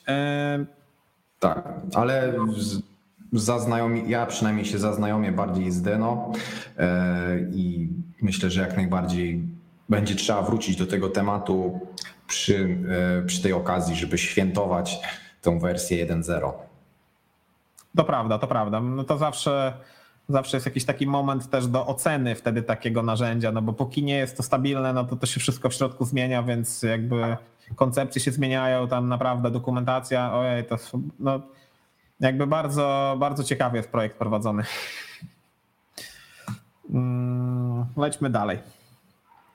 Tak, tutaj e, zaproponowałem właśnie w tym slajdziku e, dosyć fajna stronka, w której macie wypisane jakby mm, różne takie one-linery, które możecie w JavaScriptie użyć do różnych rzeczy. Czyli na przykład, jeżeli właśnie e, chcecie sklonować tablicę albo chcecie sprawdzić w jakiś sposób, e, czy, e, czy obiekt jest tablicą, to tutaj generalnie macie takie one-linery. Niektóre mniej, niektóre bardziej przydatne. Więc tutaj jakby po prostu odsyłam Was do tej strony. Możecie napisać później w komentarzu, jaki Wasz jest ulubiony one-liner. I też pamiętajcie o tym, żeby dawać łapy w górę pod tym streamem. Jeżeli dowiedzieliście się dzisiaj czegoś ciekawego albo zaśmialiście się pod nosem, to e, prosimy o łapy w górę, bo to spowoduje, że będziemy mieli szerszy zasięg e, z tym oto naszym show. Show. Webowe show. Show must go on. Ta strona coś mi przypomina. Nie wiem, czy pamiętasz, y, na poprzedniej albo na jeszcze poprzednich webowych pogawędkach były bardzo takie krótkie kawałki kodu do, mm, do doma. Mhm, tak, tak, tak, tak, pamiętam to. JS DOM, coś tam. No, Tak coś takiego właśnie. Już nie pamiętam dokładnie tej strony, ale układ jest bardzo prosty, znaczy bardzo podobny. e, Mhm. Że są, są jakieś rozdziały. No, no, no. O, jest i dom.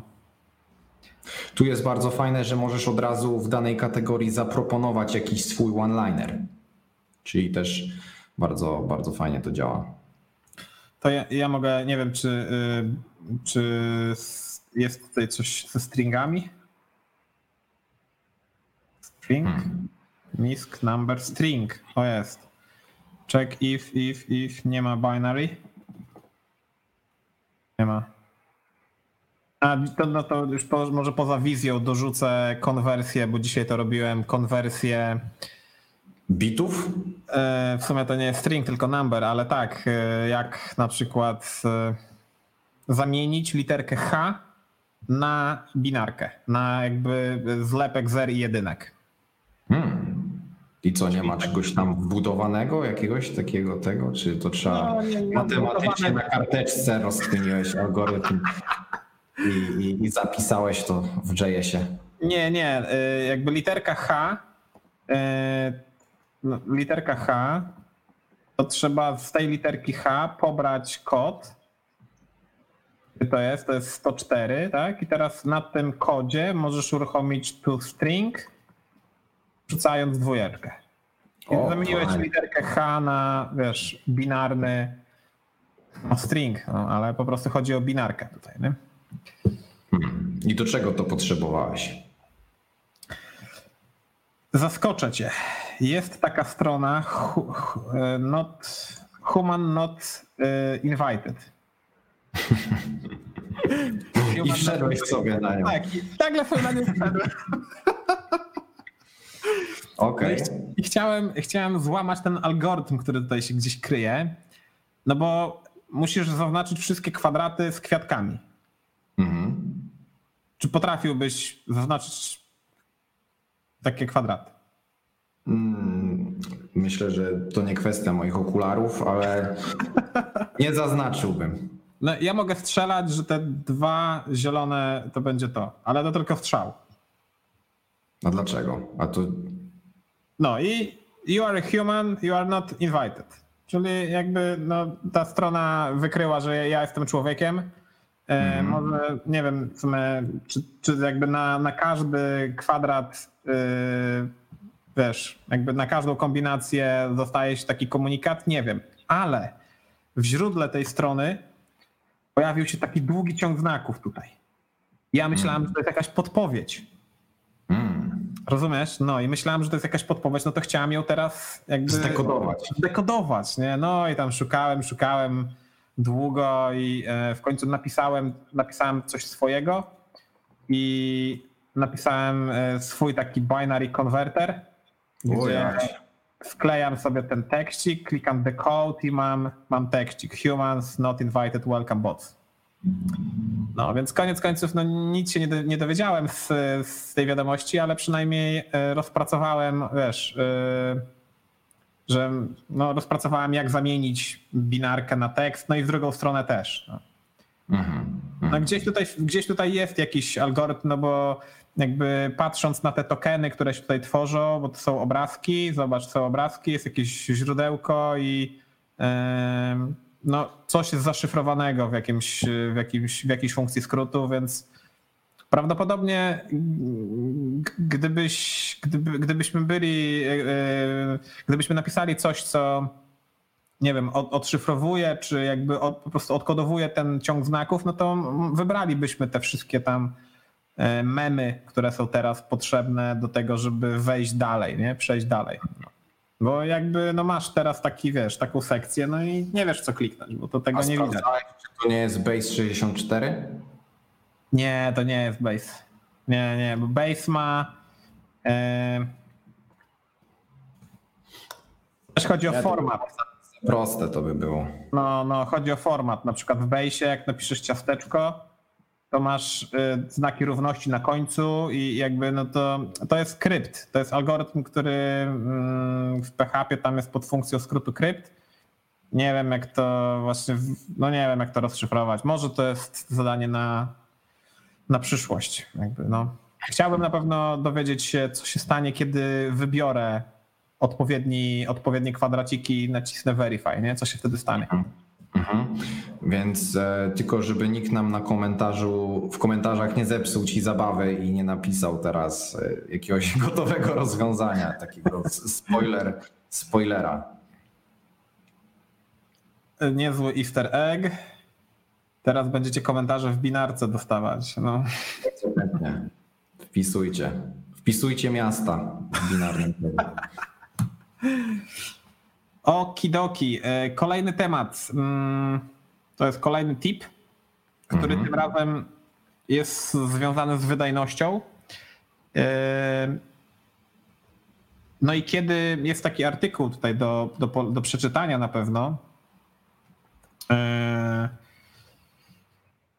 I w artykule jest opisany, e, opisana sytuacja i to w aplikacjach e, no, reaktowych bazujących pewnie na Reduxie, no bo to, to tam bardzo często e, potrzebujemy coś zmieniać w stanie w taki sposób, żeby z inputa jakby zamienić ten input na jakiś output, nie robiąc mutacji. Więc Mhm. co, co możemy zrobić, żeby, nie wiem, właśnie jakoś, zmienić ten input, no to tworzymy reduce'a, no i na tym reduce'ie wykonujemy jakieś tam operacje, nie? czyli e, no tu jest piękna mutacja, czyli modyfikujemy ten obiekt, który tutaj do, dostaliśmy. Mm, Można to też zrobić, zmutować w taki sposób, czyli po prostu sobie forem, a możesz nie robić mutacji, e, tylko za każdym razem tworzysz nowy obiekt Mhm. w tym Reduce'ie. Nie? No i niestety, jeśli chodzi o performance, to nie jest to najlepsze rozwiązanie, e, żeby tworzyć za każdym razem w, każdej iteracji pętli nowy obiekt. E, No i tu jest wyjaśnione, jak to wygląda, wiesz, w, na tym low-levelowym poziomie. Ja nie będę się tutaj kusił o wytłumaczenie e, bytecodu i, i tak jest dalej. Że, że nie wiem, że będziesz miał 10 milisekund szybciej, czy nie wiem, jakoś ci spuchnie e, pamięć zużywana przez tą aplikację mocno, jak, jak bardzo jakby to jest dotkliwe, nazwijmy to. No nie wiem, oni tutaj mm, w artykule jest opisane, że zmienia ci się, e, no, zmienia ci się, e, jak to powiedzieć, ta notacja BICO, to jest... Jeszcze raz? Złożoność obliczeniowa. No właśnie, złożoność obliczeniowa, no że, że ze stałej złożoności jakby zmienia ci się złożoność, tak mi się wydaje, tak z tego co ja, ja zrozumiałem. E, No i to jest e, oczywiście dla prostych, małych obiektów nie jest problematyczne, ale kiedy w tym Reduxie w stanie masz mnóstwo danych, no to no, zrobiłby się problem. Jak długo, y, y, wiesz, jak, jak, jaka byłaby faktycznie e, różnica czasowa względem mm, jednego i drugiego sposobu, no trudno jest mi powiedzieć. No to, to, to jest, na pewno to są jakieś milisekundy. Mm, No to się zmienia, to, jest, to się zmienia z, z jakiej notacji na jaką? Z Big O For example, O1 for constant i or, or e, ON dla linearnych. Mm, Reduce mutate solution to reduce, we're talking about time completion error, how long. Mm, Czyli wiadomo, jeżeli jest więcej iteracji, to bardziej dostajesz po dupie. Jak, I to tak, nie wiem w sumie, jak to można by było zobrazować. Tu mamy. No tu mamy wykresik, no ale to jest bazujący na jakimś tam obiekcie, na jakimś tam zbiorze danych, którego tutaj nie widać. E, No tak, ale jeżeli założyć, że, że, jeden, że jeden algorytm działa jakby z e, tym ON, a drugi działa jako O1? Nie. ON kwadrat mógłby. Mógłby ON kwadrat, to, to jest ta e, złożoność e, jedna z najgorszych, Mhm. e, czyli kwadratowa, no to to jest dramat, jeśli chodzi o performance, nie? Mhm. Mm, Ta stała, ta liniowa złożoność jest ta zielona, więc no jest na jest do zaakceptowania oczywiście. Ale jeśli chodzi o złożoność n kwadrat, no to to jest dra drastyczna różnica w performance. Oczywiście mhm. na, na, małych zbiorach danych to jest niezauważalne, no to tego się nie tak. wykryje na pięciu elementach, tak? Ale jeśli masz 5000 elementów, no to pewnie, pewnie już przeglądarka by. A już tak, tak powyżej, powyżej 10 tysięcy elementów już przeglądarka czasami jak robisz takie rzeczy, to możesz bardzo mocno to odczuć, jak masz takie właśnie babole gdzieś właśnie w algorytmie. I w sumie dobrze, że o tym wspomniałeś, bo ja w Reduxie swojego czasu, jak jeszcze miałem w projekcie, to dużo korzystałem właśnie e, z destrukturyzowania i w ten sposób wprowadzałem sobie po prostu zmiany, e, ale przyznam szczerze, że chyba nie miałem jeszcze takiego przypadku, żebym musiał jakoś tam mocno iterować i zmieniać aż dużo danych w takim dispatchu ale jestem w stanie sobie wyobrazić, że, że, że ktoś może mieć taki case i dobrze, że o tym wspomniałeś. A tu jest bardzo fajny mm, wykres porównujący różne strategie, które może, których możemy użyć w takim e, reducerze. E, widać, e, która to była, reduce mutate czyli no, bardzo dużo mamy tutaj złożoność liniową, więc y, no, bardzo dużo operacji możemy wykonać dla małych, na małym zbiorze danych oczywiście, ale już na przykład tu jest na czarny, czarny to jest y, object assign. No mhm. i object assign, zobacz, że dla 10 elementów to no, widać, że to jest pomiędzy, no nie wiem, 700 tysięcy operacji na sekundę można wykonać, nie? A mhm. zamiast object assign użyłbyś mutacji, no to czy, czy po prostu e, jakiegoś tam reduce spreada, nie wiem e, w jaki sposób, no to, to tu jest dramat, tu jest jeszcze gorzej, to jest, to jest ten najgorszy przypadek, ale kiedy mutujesz obiekcik, to masz nieograniczone, nie wiem, no to nie widać nawet ile operacji byś, byś mógłbyś w stanie wykonać, nie? Jest mhm. kosmiczna duża ilość. Podobnie jak for off to jest chyba tak, for off, no czyli po prostu też pętla taka natywna. Mhm. Immutable też nie robi różnicy tutaj, też to nie jest e, najlepsza solucja. Mm, jest jeszcze gorsza niż Object Assign. No, bardzo fajne, bardzo fajne zestawienie. Mhm. Jak ktoś będzie pisał reducer, to można zerknąć sobie na tutaj na tą stronę i, i zweryfikować, czy wybrana strategia jest tą, tą najlepszą. Oczywiście mhm. mutacja, jakby mutacja z definicji nie jest wskazana. Tak, ale Imer całkiem dobrze wypada, a Imer jest e, wrzucony. Tak, tak. Bo on jest używany właśnie w toolkicie, w Redux toolkicie, nie? Mhm. No bardzo ciekawe, bo złożoność ma dobrą, ma, linię, ma liniową złożoność i podobnie tak jak mutacja. Mm. No, bardzo ciekawe jest. Takie benchmarki, to pewnie można odpalić sobie te benchmarki e, u siebie w kodzie. Znaczy u siebie jakby na swoich danych jest tu immer, jest map z immutable, promisy, no spoko. Warto, warto, warto do tego na spokojnie przysiąść.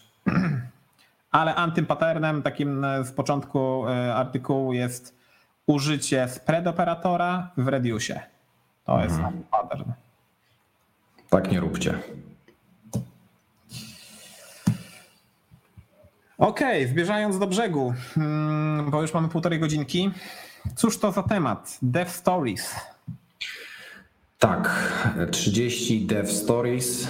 E, fajna akcja na Instagramie. Jeżeli nie jesteście na Instagramie, to wpadajcie na Instagrama. Generalnie akcja zapoczątkowana chyba e, przez właśnie KL Jędrzyca, e, Krzysztof Jędrzyca, tak, jeżeli tak, dobrze tak. pamiętam, oraz chyba Dev env.pl, nie, nie pamiętam, o tutaj tak, przez ten profil.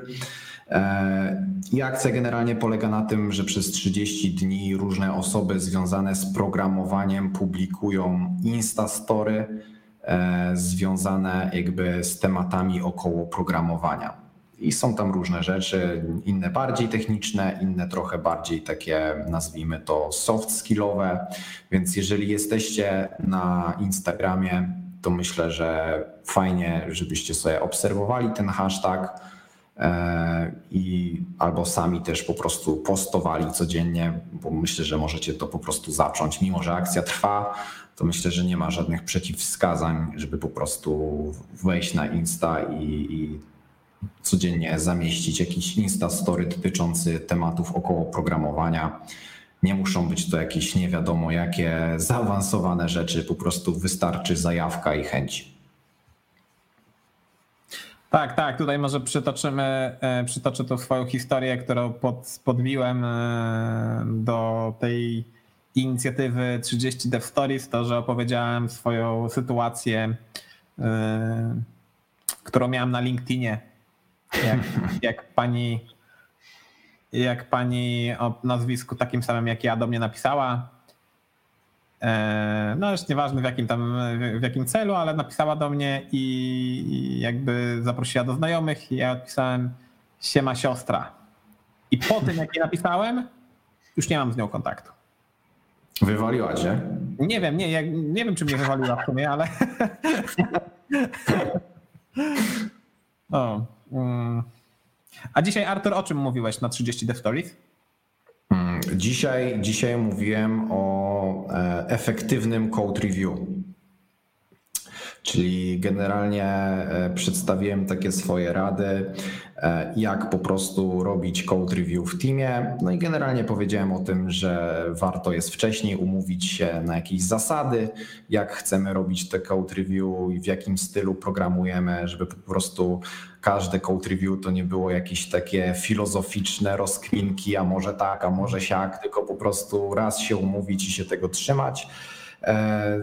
Parę takich rad dałem, myślę, oczywistych oczywistości, które się wiążą z code review, ale od siebie też dałem takiego tipa, co ostatnio e, stosujemy go u mnie w firmie, u mnie na projekcie. E, że po prostu robimy sobie takie time frame'y na wykonanie code review, bo mieliśmy duży problem z tym, że pojawiał się jakiś pull request, a jakby nie pojawiały się chętne osoby, żeby go przeprowadzić. E, więc e, i trzeba było pingować, tam prosić się o ten code review, czasami to się rozwlekało w czasie. I teraz mamy po prostu taką zasadę, że w 24 godziny po prostu każdy musi się pojawić w tym code review. I oczywiście jeżeli ktoś nie ma czasu, no to musi się tam pojawić i w komentarzu napisać: Słuchajcie, chłopaki, nie mam czasu, bo robię coś tam, e, ale zerknę później, albo nie wiem, ta jedna klasa mi się nie podoba, resztę coś tam rozkmincie sami, ale generalnie, żeby nie było czegoś takiego, że po prostu są jakieś pull requesty pozostawione samopas i, i trzeba się prosić o, o, o ten code review. Mm, świetny, świetny temat do, do podzielenia się z, z widzami, z oglądającymi to jest e, super opcja, że takie, taki pomysł w ogóle na 30 Dev Stories e, powstał, bo e, każda forma mobilizacji do dzielenia się wiedzą jest dobra i myślę, że takie instagramowe, bardzo krótkie nagrania powodują, że w zwięzłej formie jesteś w stanie przekazać taką esencję tego, co chcesz, co, co myślisz na ten temat. Nie? To jest coś fajnego. E, tak. Niektórzy też piszą tylko komentarz, tak. czy, um, tylko opisują ten Death Stories, nie, nie, nie, nie, nie mówiąc, nie, nie, być, nie, nie będąc nagrywanym, tylko po prostu piszą sobie e, na jakimś tam zdjęciu tekst i, i podpisują 30 Death Stories. To też jest jakaś forma. Oczywiście, dlatego zachęcamy wszystkich. E, też właśnie zachęcam, żeby jakby challenge'ować się i spróbować nagrać takie dev story, bo jakby wydaje się to takie proste, ale właśnie tak jak mówisz, żeby spróbować zawrzeć jakąś taką esencję e, i starać się tą wiedzę przekazać tak, żeby ludzie faktycznie zrozumieli o co ci chodzi, nie byli znudzeni, nie przelecieli gdzieś tam na jakiś kolejny stories, jak nie wiem, jakaś pani ćwiczy pupę albo tam e, robi zdjęcie swojego dania, które zaraz zje to jednak trzeba rywalizować o tą atencję i to nie jest takie proste, jak się wydaje, więc myślę, że to jest dobry challenge dla jakby, żeby się sprawdzić w roli takiego, nazwijmy to, twórcy. E, więc zapraszamy. A ty Piotr, o czym dzisiaj mówiłeś? Ja mówiłem o Git Ignorze, globalnym Git Ignorze. jakby bardzo często się spotykam z sytuacjami, że w projektach open source'owych, takie, no, takie, które bardzo często przeglądam, w niektórych tam biorę udział i, i jakby bardzo często jest tak, że katalog, katalogi z konfiguracją edytorów są w takich projektach. Rozumiem, jeśli to byłyby pliki, jeśli to byłaby konfiguracja, która pomaga, jakby konfiguruje coś w tym edytorze, typu uruchomienie tam testów czy coś, ale konfiguracja y, na przykład WebStorma, w której jest zaszyta informacja, gdzie w Twoim file systemie znajduje się ten projekt i jak masz skonfigurowany edytor, żeby ten projekt uruchamiać, no to jakby to nie jest informacja, która jest potrzebna wszystkim osobom korzystającym z tego projektu, jakby z tego edytora, więc nie ma, nie ma sensu dodawać tego katalogu do, e, do repozytorium. Więc co się robi? No to robi się w pliku lokalnym, czyli w pliku gitignore w projekcie, wykluczenie katalogu .idea. No ale teraz jaki ma to sens, jeśli jeśli ty w ogóle, mm, nie tylko dla jednego projektu, ale ty w ogóle używasz tego edytora do swojej pracy programistycznej, no to znaczy, że w każdym projekcie trzeba takiego gitignora z, z plikiem, yy, z katalogiem .idea dodać. No to jak, mhm. to nie ma sensu, no to jakby można sobie tą pracę przyspieszyć tworząc globalny gitignore i w tym globalnym gitignorze napisać, że chcesz wykluczyć katalog .idea, że chcesz wykluczyć thumbsdb, który się pojawia na Windowsie, E, chcesz wykluczyć jeszcze jakieś tam inne pliki, na przykład jak używasz Vima, no to chcesz te wszystkie pliki z rozszerzeniem SWP wykluczyć i tak dalej, i tak dalej. A jednak tak. bardzo dużo ludzi wydaje mi się, że nie używa tego globalnego gitignora. Mhm. Ja, ja też go muszę sobie zrobić, bo nie mam go, a e, tak jak sobie teraz o tym myślę, faktycznie ma to super sens i, i myślę, że nawet tak jak ty na przykład często robisz takie eksperymenty, że coś sobie wrzucasz na GitHuba i tak dalej, no to po prostu nie musisz myśleć o tym, że nie wiem, trzeba zignorować Node Modules, bo zaraz tam e, będzie, wiesz, zapychać mi się GitHub jakimiś śmieciami, nie? Więc to jest bardzo fajne właśnie do takich eksperymentów, e, że nie musisz po prostu o tym myśleć. Masz po prostu swój domyślny zestaw git ignorów i też w zasadzie wydaje mi się, że takie właśnie rzeczy mm, generowane przez Vim i tak dalej, jakieś tam e, thumbnaile, e, te DS story i tak dalej, no to generalnie chyba nikt nie chce tego nigdy wrzucać do repo, więc po prostu wrzucasz sobie to raz w swoim systemie i, i możesz zapomnieć o tym, że, że przypadkowo to nawet dodasz, będąc na jakimś projekcie, gdzie ktoś po prostu z jakichś przyczyn nie zignorował tego, prawda? No, może przez przypadek, może niechcący ten plik został dodany, czy tam katalog, nie? To jest też y, naturalne. No mi też się kiedyś zdarzało jeszcze przed tym, jak nie miałem takiej fajnej, kompletnej listy e, rzeczy ignorowanych w globalnym Git-Ignorze, że przez przypadek coś dodałem. Artur, skończąc ten temat, czy polecasz obserwowanie jakiejś konkretnej osoby tutaj z tych e, wszystkich wymienionych? Mm, tak, tak, tak, tak. E, polecam na pewno Dev Stories od Krzysztofa Jędrzycy. Tam są różne tematy, czasami takie bardziej jakby takie mięcho, czasami bardziej takie rzeczy e, bardziej związane na przykład jak podchodzić do nauki, e, nowych rzeczy, jakieś jakby mieć podejście do, do, do projektów, więc polecam na pewno Krzysztofa, e, polecam też Kernel Gona Panic, też jest tam dużo takich tematów, myślę soft skillsowych, czyli jak na przykład udzielać feedbacku, jak pracować efektywnie w zespole. Mm.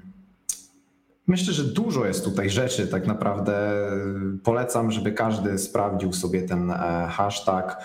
I tak, jeszcze jest chyba afroński, czy coś takiego. Mhm, mhm. Tak, tutaj tematy związane z AWS.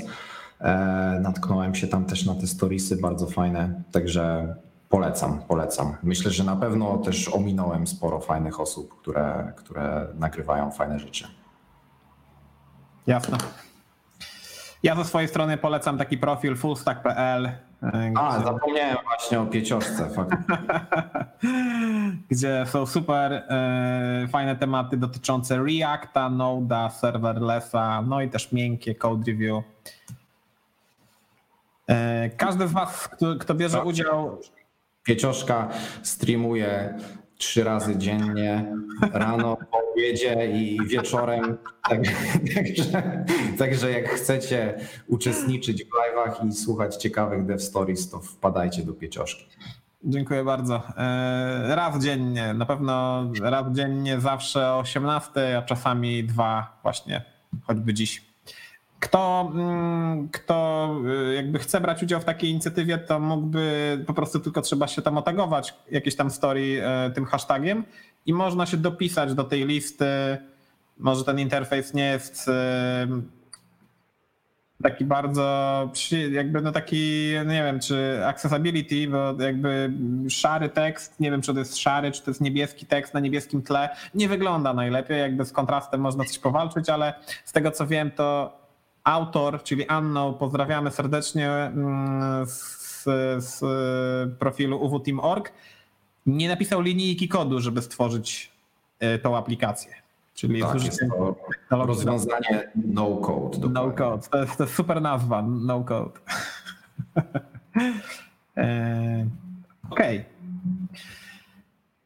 To na zakończenie przygotowałem takiego takiego mema. Okej. Okay. Gdzie e, Dam, dam ci chwilę i wam oglądającym, żebyście zerknęli, co tam na dole, bo to najważniejsze. Właśnie dzisiaj, jak wrzuciłeś to, e, to mnie to bardzo e, rozbawiło. W ogóle ten sam jakby obrazek, że można go myślę zastosować do wiele, wielu różnych sytuacji, kiedy ktoś jest bardzo z siebie dumny, ale całkiem przypadkiem w ogóle Aha. E, przed wejściem na streama zobaczyłem mema na GitHubie, który, znaczy na GitHubie, na Facebooku, wysłałem ci go teraz na private czacie, jakbyś go może spróbował otworzyć, e, który w ogóle całkiem z bomby nawiązuje do, do podobnej e, rzeczy. Hi everyone, I finally resolved centering things in CSS. I co, i, co jest, I co jest dobre, e, jakby podsumowanie tego ziomka e, z podium, nie? E, no tak, tak, tak. Jak najbardziej.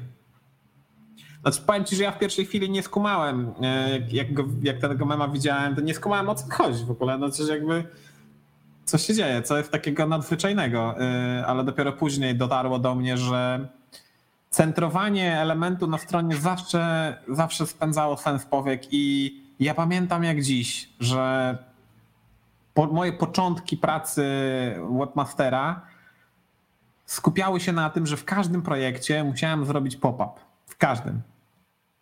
I doszedłem do takiego poziomu, że poświęcę swój prywatny czas, żeby stworzyć własną bibliotekę, którą nazwałem e, swoimi inicjałami, czyli pklib. pklib.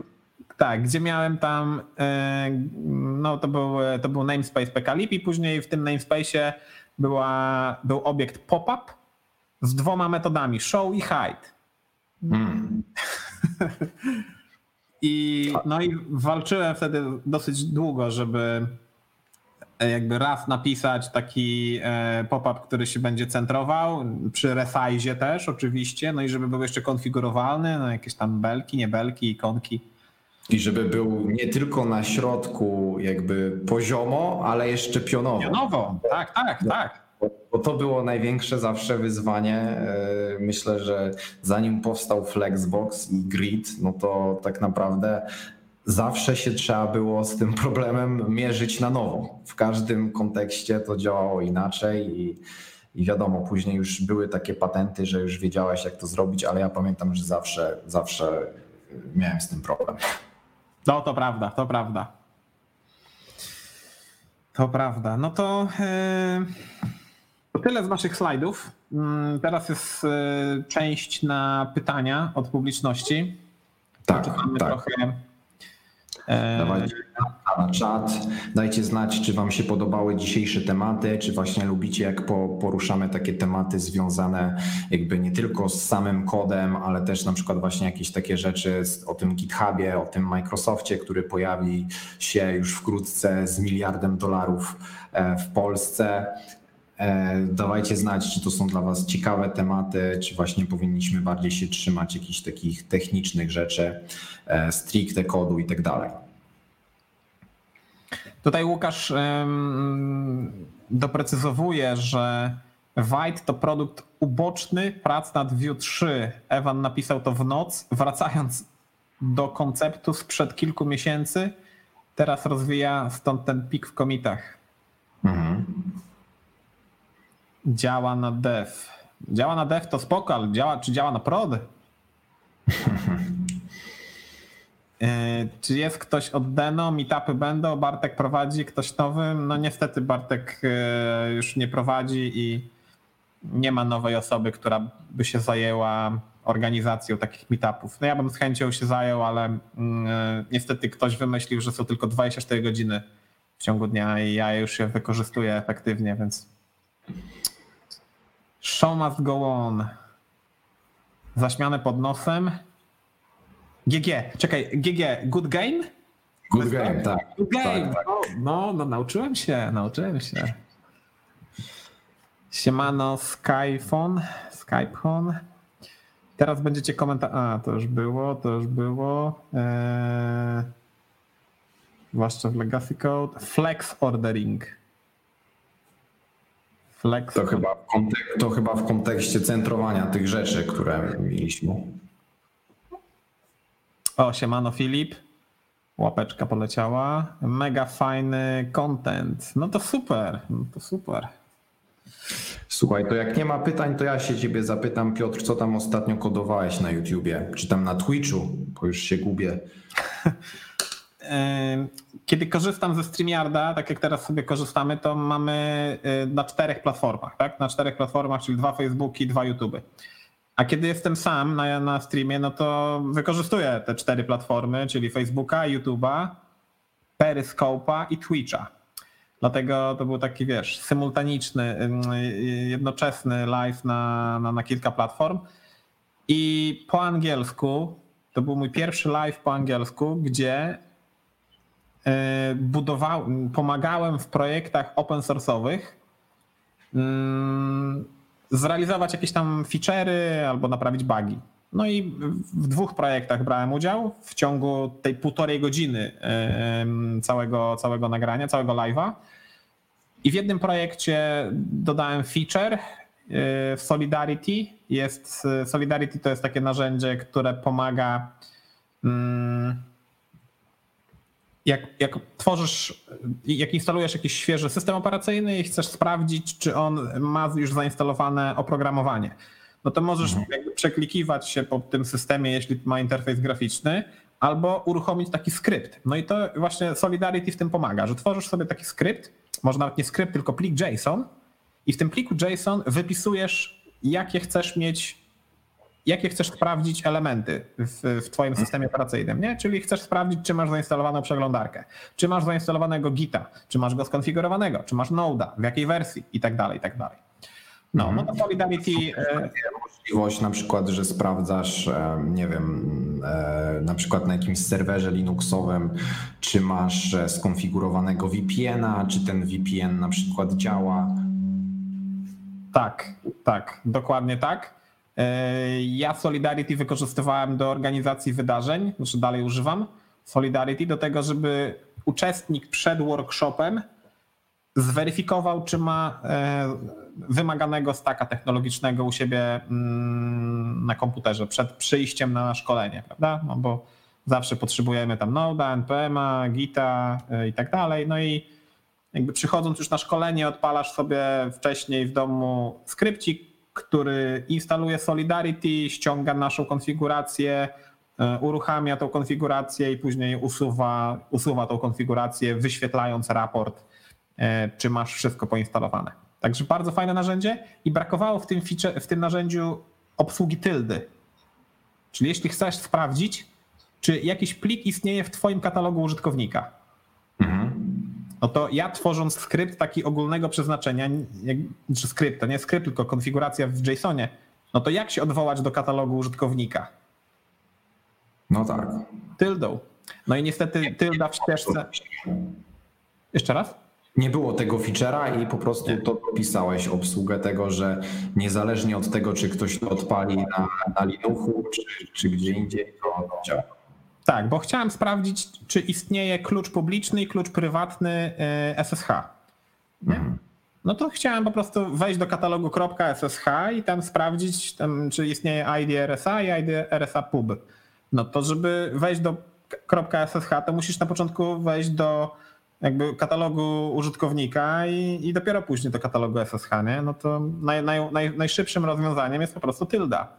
Mhm. CD tylda i jesteś w katalogu użytkownika. No i tego nie było, więc dodałem taki feature. I druga rzecz to praca nad projektem już mniej popularnym, e, projekt e, Rollup Lib Bundler. To jest projekt, który jest taką alternatywą, ciężko powiedzieć alternatywą, jest też takim bundlerem e, no jest bundlerem, po prostu własnym bundlerem w oparciu o pluginy rollupowe. No, tylko rollupa chyba nie używa wewnętrznie, tylko samych pluginów. Już nie pamiętam dokładnie, ale no tak, tak. Jest tam Babel już predefiniowany.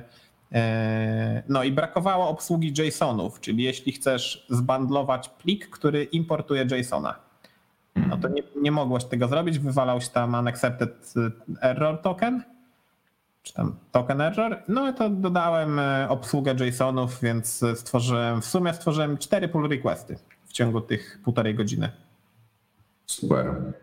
Bardzo, bardzo, bardzo fajnie, że, że pokazujesz właśnie, jak to robić, bo e, jednak jest taka częsta chyba opinia, że mm, jakby open source jest jakby taki, że wiesz, że jak nie możesz temu poświęcić e, nie wiadomo ile czasu, to nie ma co się za to zabierać. A ty jakby udowodniłeś, że tak naprawdę w jednym streamie, który trwa tam ile z dwie godziny pewnie, tak? Półtorej, półtorej godziny półtorej godziny jesteś w stanie zrobić e, dwie, trzy kontrybucje i to jeszcze tak jak słyszymy, no to to nie były takie kontrybucje, wiesz, w stylu tam jakieś kosmetyczne zmiany, tylko faktycznie albo naprawa istniejącego, wkurzającego błędu, albo dodanie bardzo fajnego feature'a. Także bardzo, bardzo fajnie, że, że pokazujesz takie rzeczy.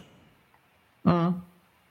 No, by, by było trochę osób, jakby fajnie mi się spędziło czas. E, mam nadzieję, że będę kontynuował taką formę, więc e, jeśli zbieram ciągle e, projekty, które w przyszłości, w których w przyszłości mogę kontrybuować, więc mam obecnie listę kilku, ale zawsze jestem otwarty na nowe. Więc Artur, jeśli masz jakiś projekt, wiesz, open source'owy, to śmiało dawaj znać i, i podziałamy. Ulubiona część. Mam pytanie, czy jest taka możliwość, że ktoś nie przyjmie portfolio do oceny, gdzie jest bot ze względów prawnych, czy raczej nie ma z tym problemu? No to już było chyba pytanie, czy można dać tego bota e, w ramach jakby kodu e, takiego w sensie rekrutacyjnym. I tutaj moim zdaniem jakby nie ma żadnych przeciwwskazań, bo to jeżeli ty komuś przekazujesz portfolio, to tak naprawdę przekazujesz je w celu, żeby udokumentować bądź jakby udowodnić swoją wiedzę z zakresu programowania i jakby nikt tego przecież nie będzie releasował tego bota, nie będzie go odpalał nawet pewnie u siebie, tylko bardziej chodzi o to, żeby zobaczyć, jak dobrze sobie radzisz z kodowaniem. Więc ja bym tutaj nie widział e, żadnych przeciwwskazań, żeby dawać takiego bota. E, jedyne co, no to bym się skupił na tym, żeby jakoś e, dobrze zaprezentować ten kod bo jeżeli to będzie po prostu jakieś tam repozytorium, że wchodzisz, jest tam skrypt w Pythonie e, natrzaskany i nie wiadomo za bardzo, co tam się dzieje. Są jeszcze jakieś nazwy e, w kontekście tej gry, gdzie ten bot działa, no to rekruter może sobie na to spojrzeć i nic mu to nie powie. Ale jeżeli napiszesz dokumentację, że jest to bot, który robi to i to, korzysta z jakichś tam eventów systemowych, pozwala w automatyczny sposób realizować jakieś funkcje, no to wtedy wydaje mi się, że jak najbardziej można to podać. Mm, jak najbardziej, bo chodzi o bota, którego ktoś napisał na potrzeby swoje i chce użyć tego projektu rekrutując do jakiejś firmy, tak? Tak, chyba tu bardziej chodzi, że ktoś naklepał właśnie jakiegoś bota, który ze względów prawnych może nie być super e, legalny, bo ingeruje na przykład w kody źródłowe jakiejś gry, która jest wydana i tak dalej, różne licencje i, i, i, chyba o to chodzi autorowi tego pytania. Ale trzeba pamiętać, że no jeżeli komuś pokazujesz kod, no to się chwalisz mu nie, że tam zhakowałeś grę i zachęcasz do hakowania gry, tylko po prostu pokazujesz swoje umiejętności. Słuchaj, zanim pokażesz następny komentarz, to e, tak? miałem już myśl, że dzisiaj się nie pojawi pytanie o Houdini API. Ale, ale pytanie API się pojawiło. Ostatnio nawet wszedłem na twój stream zupełnie w ogóle randomowo. Gdzieś tam sypiłem kawkę, e, wszedłem na twojego streama i pierwsze co właśnie myślę, kurde, czy padnie pytanie o Houdini API? I wtedy na tym streamie live Konrad też dopytał, więc e, coś jest na rzeczy, coś jest na rzeczy pokazać ten, ten komentarz teraz? Jak najbardziej, oczywiście. Chłopaki, czy możecie. Czy,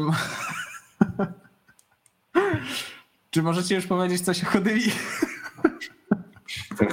API to jest jakiś taki nasz mem chyba powoli. To się... No naprawdę, naprawdę. Od pierwszej edycji łobowych pogawętek e, Konrad zadaje to pytanie i my już po tych kilku tygodniach jakby świetnie, że mamy taki, taką nową sekcję w ogóle w naszych łobowych pogawędkach, czyli pytanie o Houdini API. Tak, trzeba następnym razem zrobić slajd już po prostu na to, żeby, żeby to był stały numer. E, ja tylko mogę powiedzieć tyle, że e, spróbuję się na kolejne pogawędki przygotować z tego tematu. Nie obiecuję, czy to się uda zrobić, ale już mówiłem ostatnio, że mam podcast ściągnięty, który czeka po prostu na odsłuchanie we właściwym momencie e, na moim telefonie, który jest o Houdini.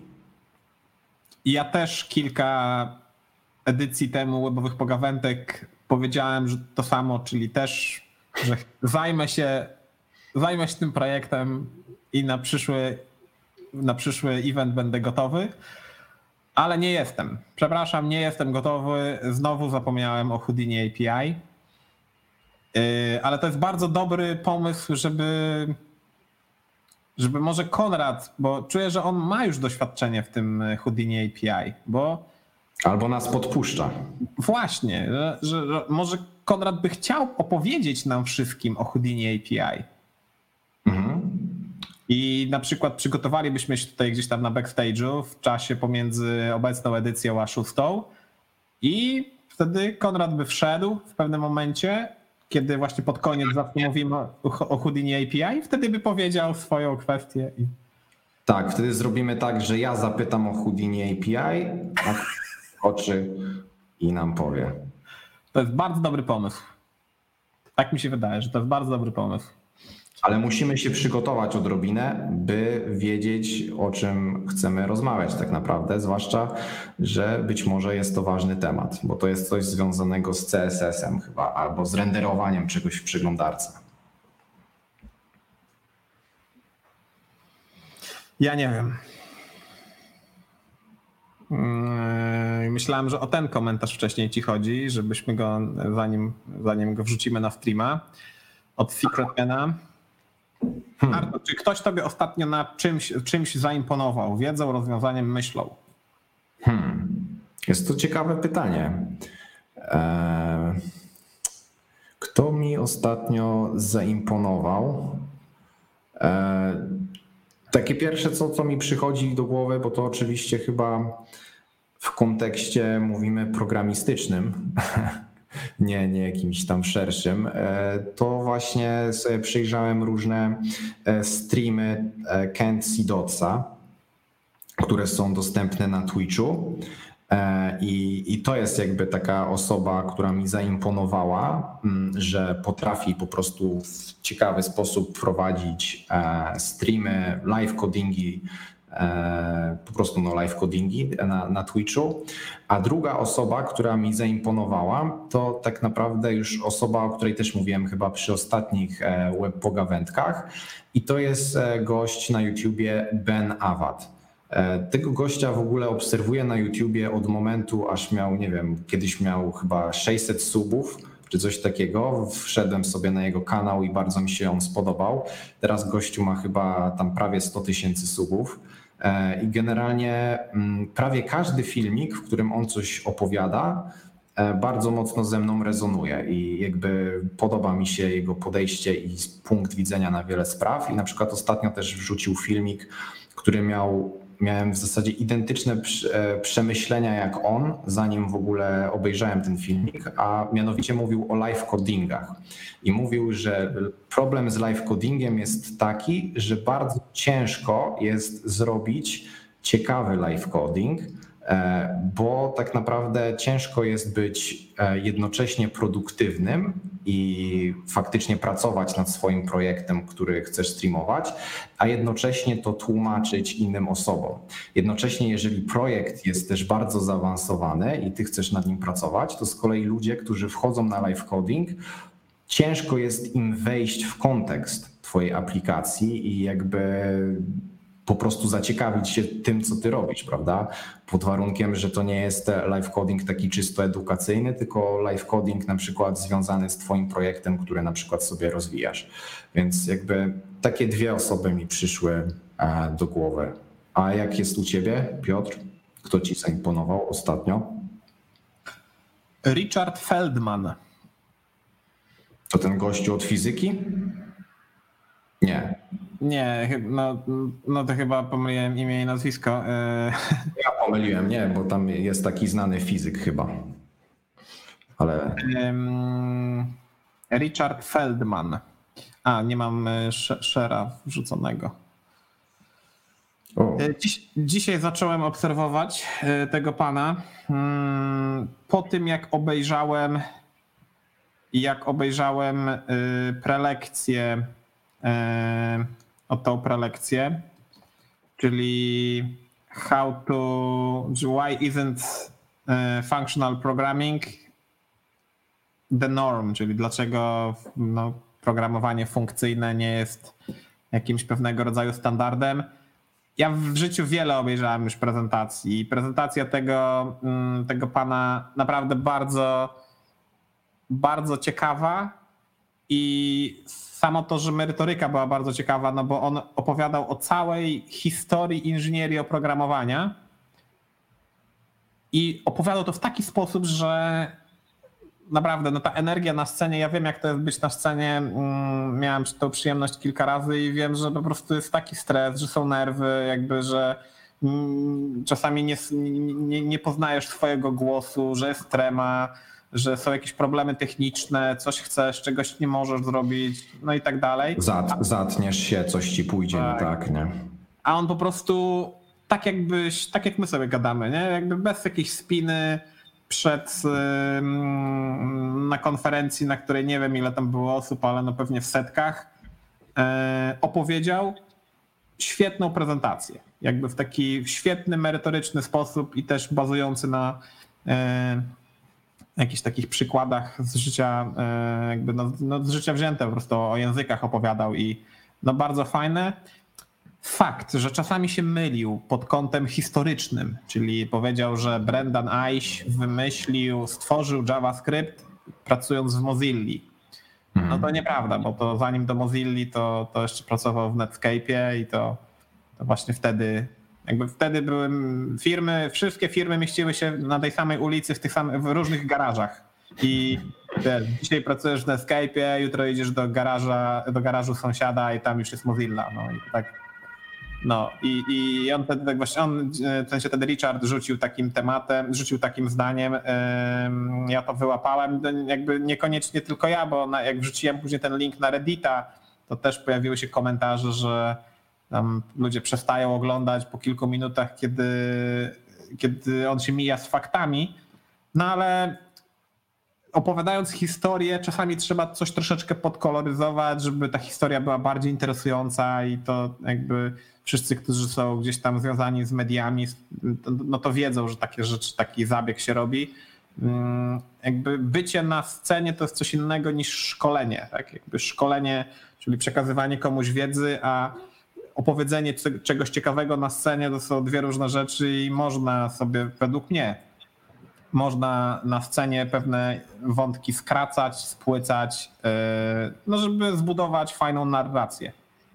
Tak, no też zwłaszcza, że takie tematy, wiesz, jak ktoś stworzył JavaScript, to wątpię, że można powiedzieć, że, że wiesz, to była jedna osoba, która w 100% stworzyła JavaScript, tak? Ja jakby nie wiem e, dokładnie, e, jaki był kontekst tego, co on powiedział, ale może wymienił jakiegoś znaczącego współtwórcę i to była po prostu, wiesz, takie jakby lekkie naciągnięcie, nie? Ale wiadomo, wiem o co ci chodzi i muszę zobaczyć tą prezentację, bo szczerze właśnie zawsze starałem się tak w miarę na bieżąco oglądać różne takie prezentacje.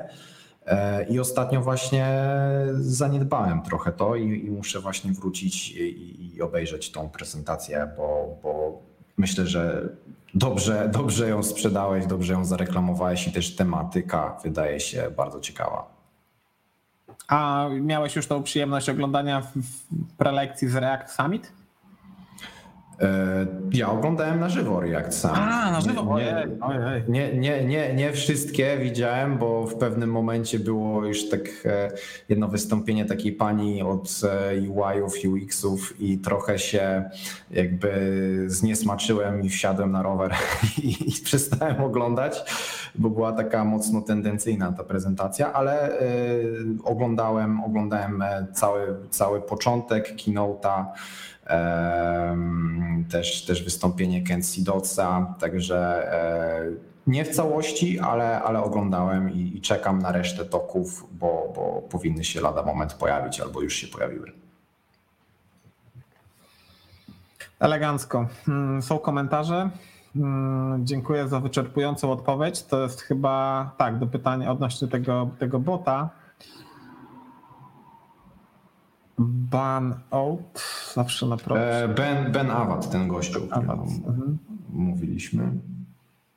Feynman to jest ten fizyk. A, no, no, no, dobra, dobra, bo tak powiedziałeś i myślałem, że ci chodziło o tego gościa, nie? Tam czytałem jakąś jego Ale książkę kiedyś. Y, on też jest niesamowity, ten koleś. Tłumaczy, tak.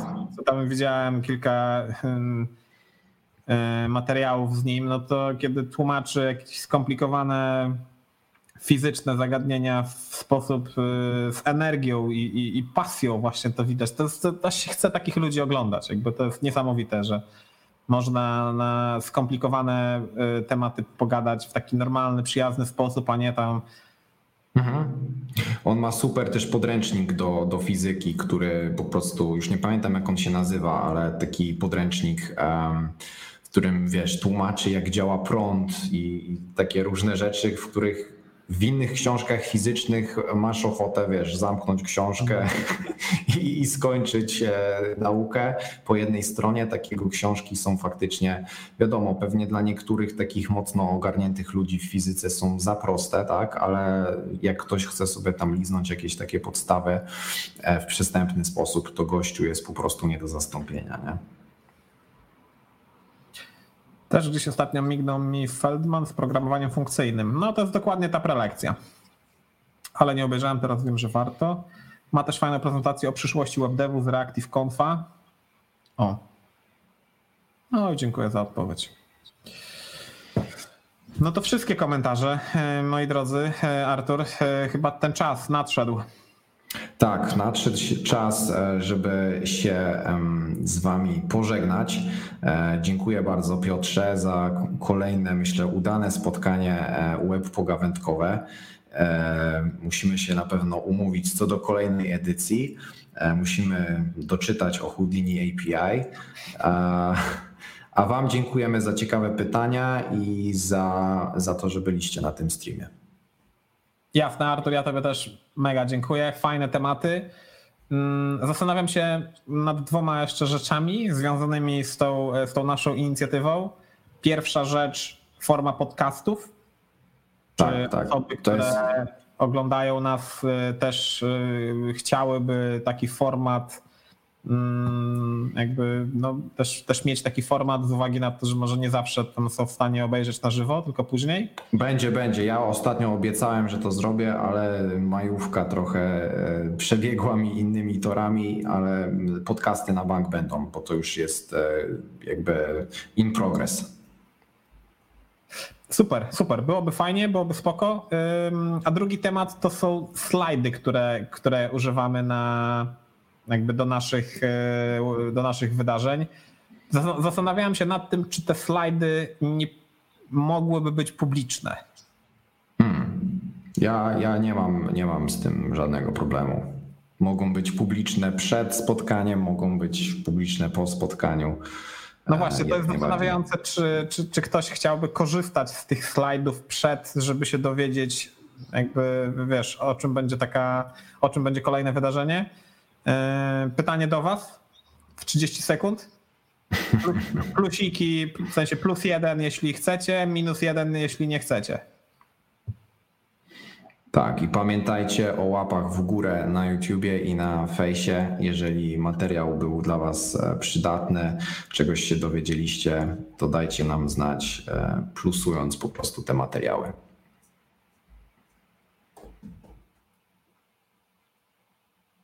Nie ma relacji, nie ma komentarzy. Albo opóźnienie jest. A, właśnie, no właśnie. No to jest, na Instagramie jest najgorsze, bo na Instagramie jakby na telefonie wszystko live'ujesz i czujesz taki instant feedback, a, a, a, nie ma niestety. Jest plus jeden. Jedna osoba pojedyncza. będzie czytać. Pojedyncza, pojedynczy plusik, no to jest za mało, żeby yy, jakby zrobić taki milowy krok. No nic, pomyślimy w przyszłości. Yy, Dziękujemy jeszcze raz. Do zobaczenia na kolejnej edycji. Dzięki Artur. Trzymajcie się, obserwujcie nas, nas w social mediach i zdrówka, bo to dziś najważniejsze. Pewnie. Trzymajcie się.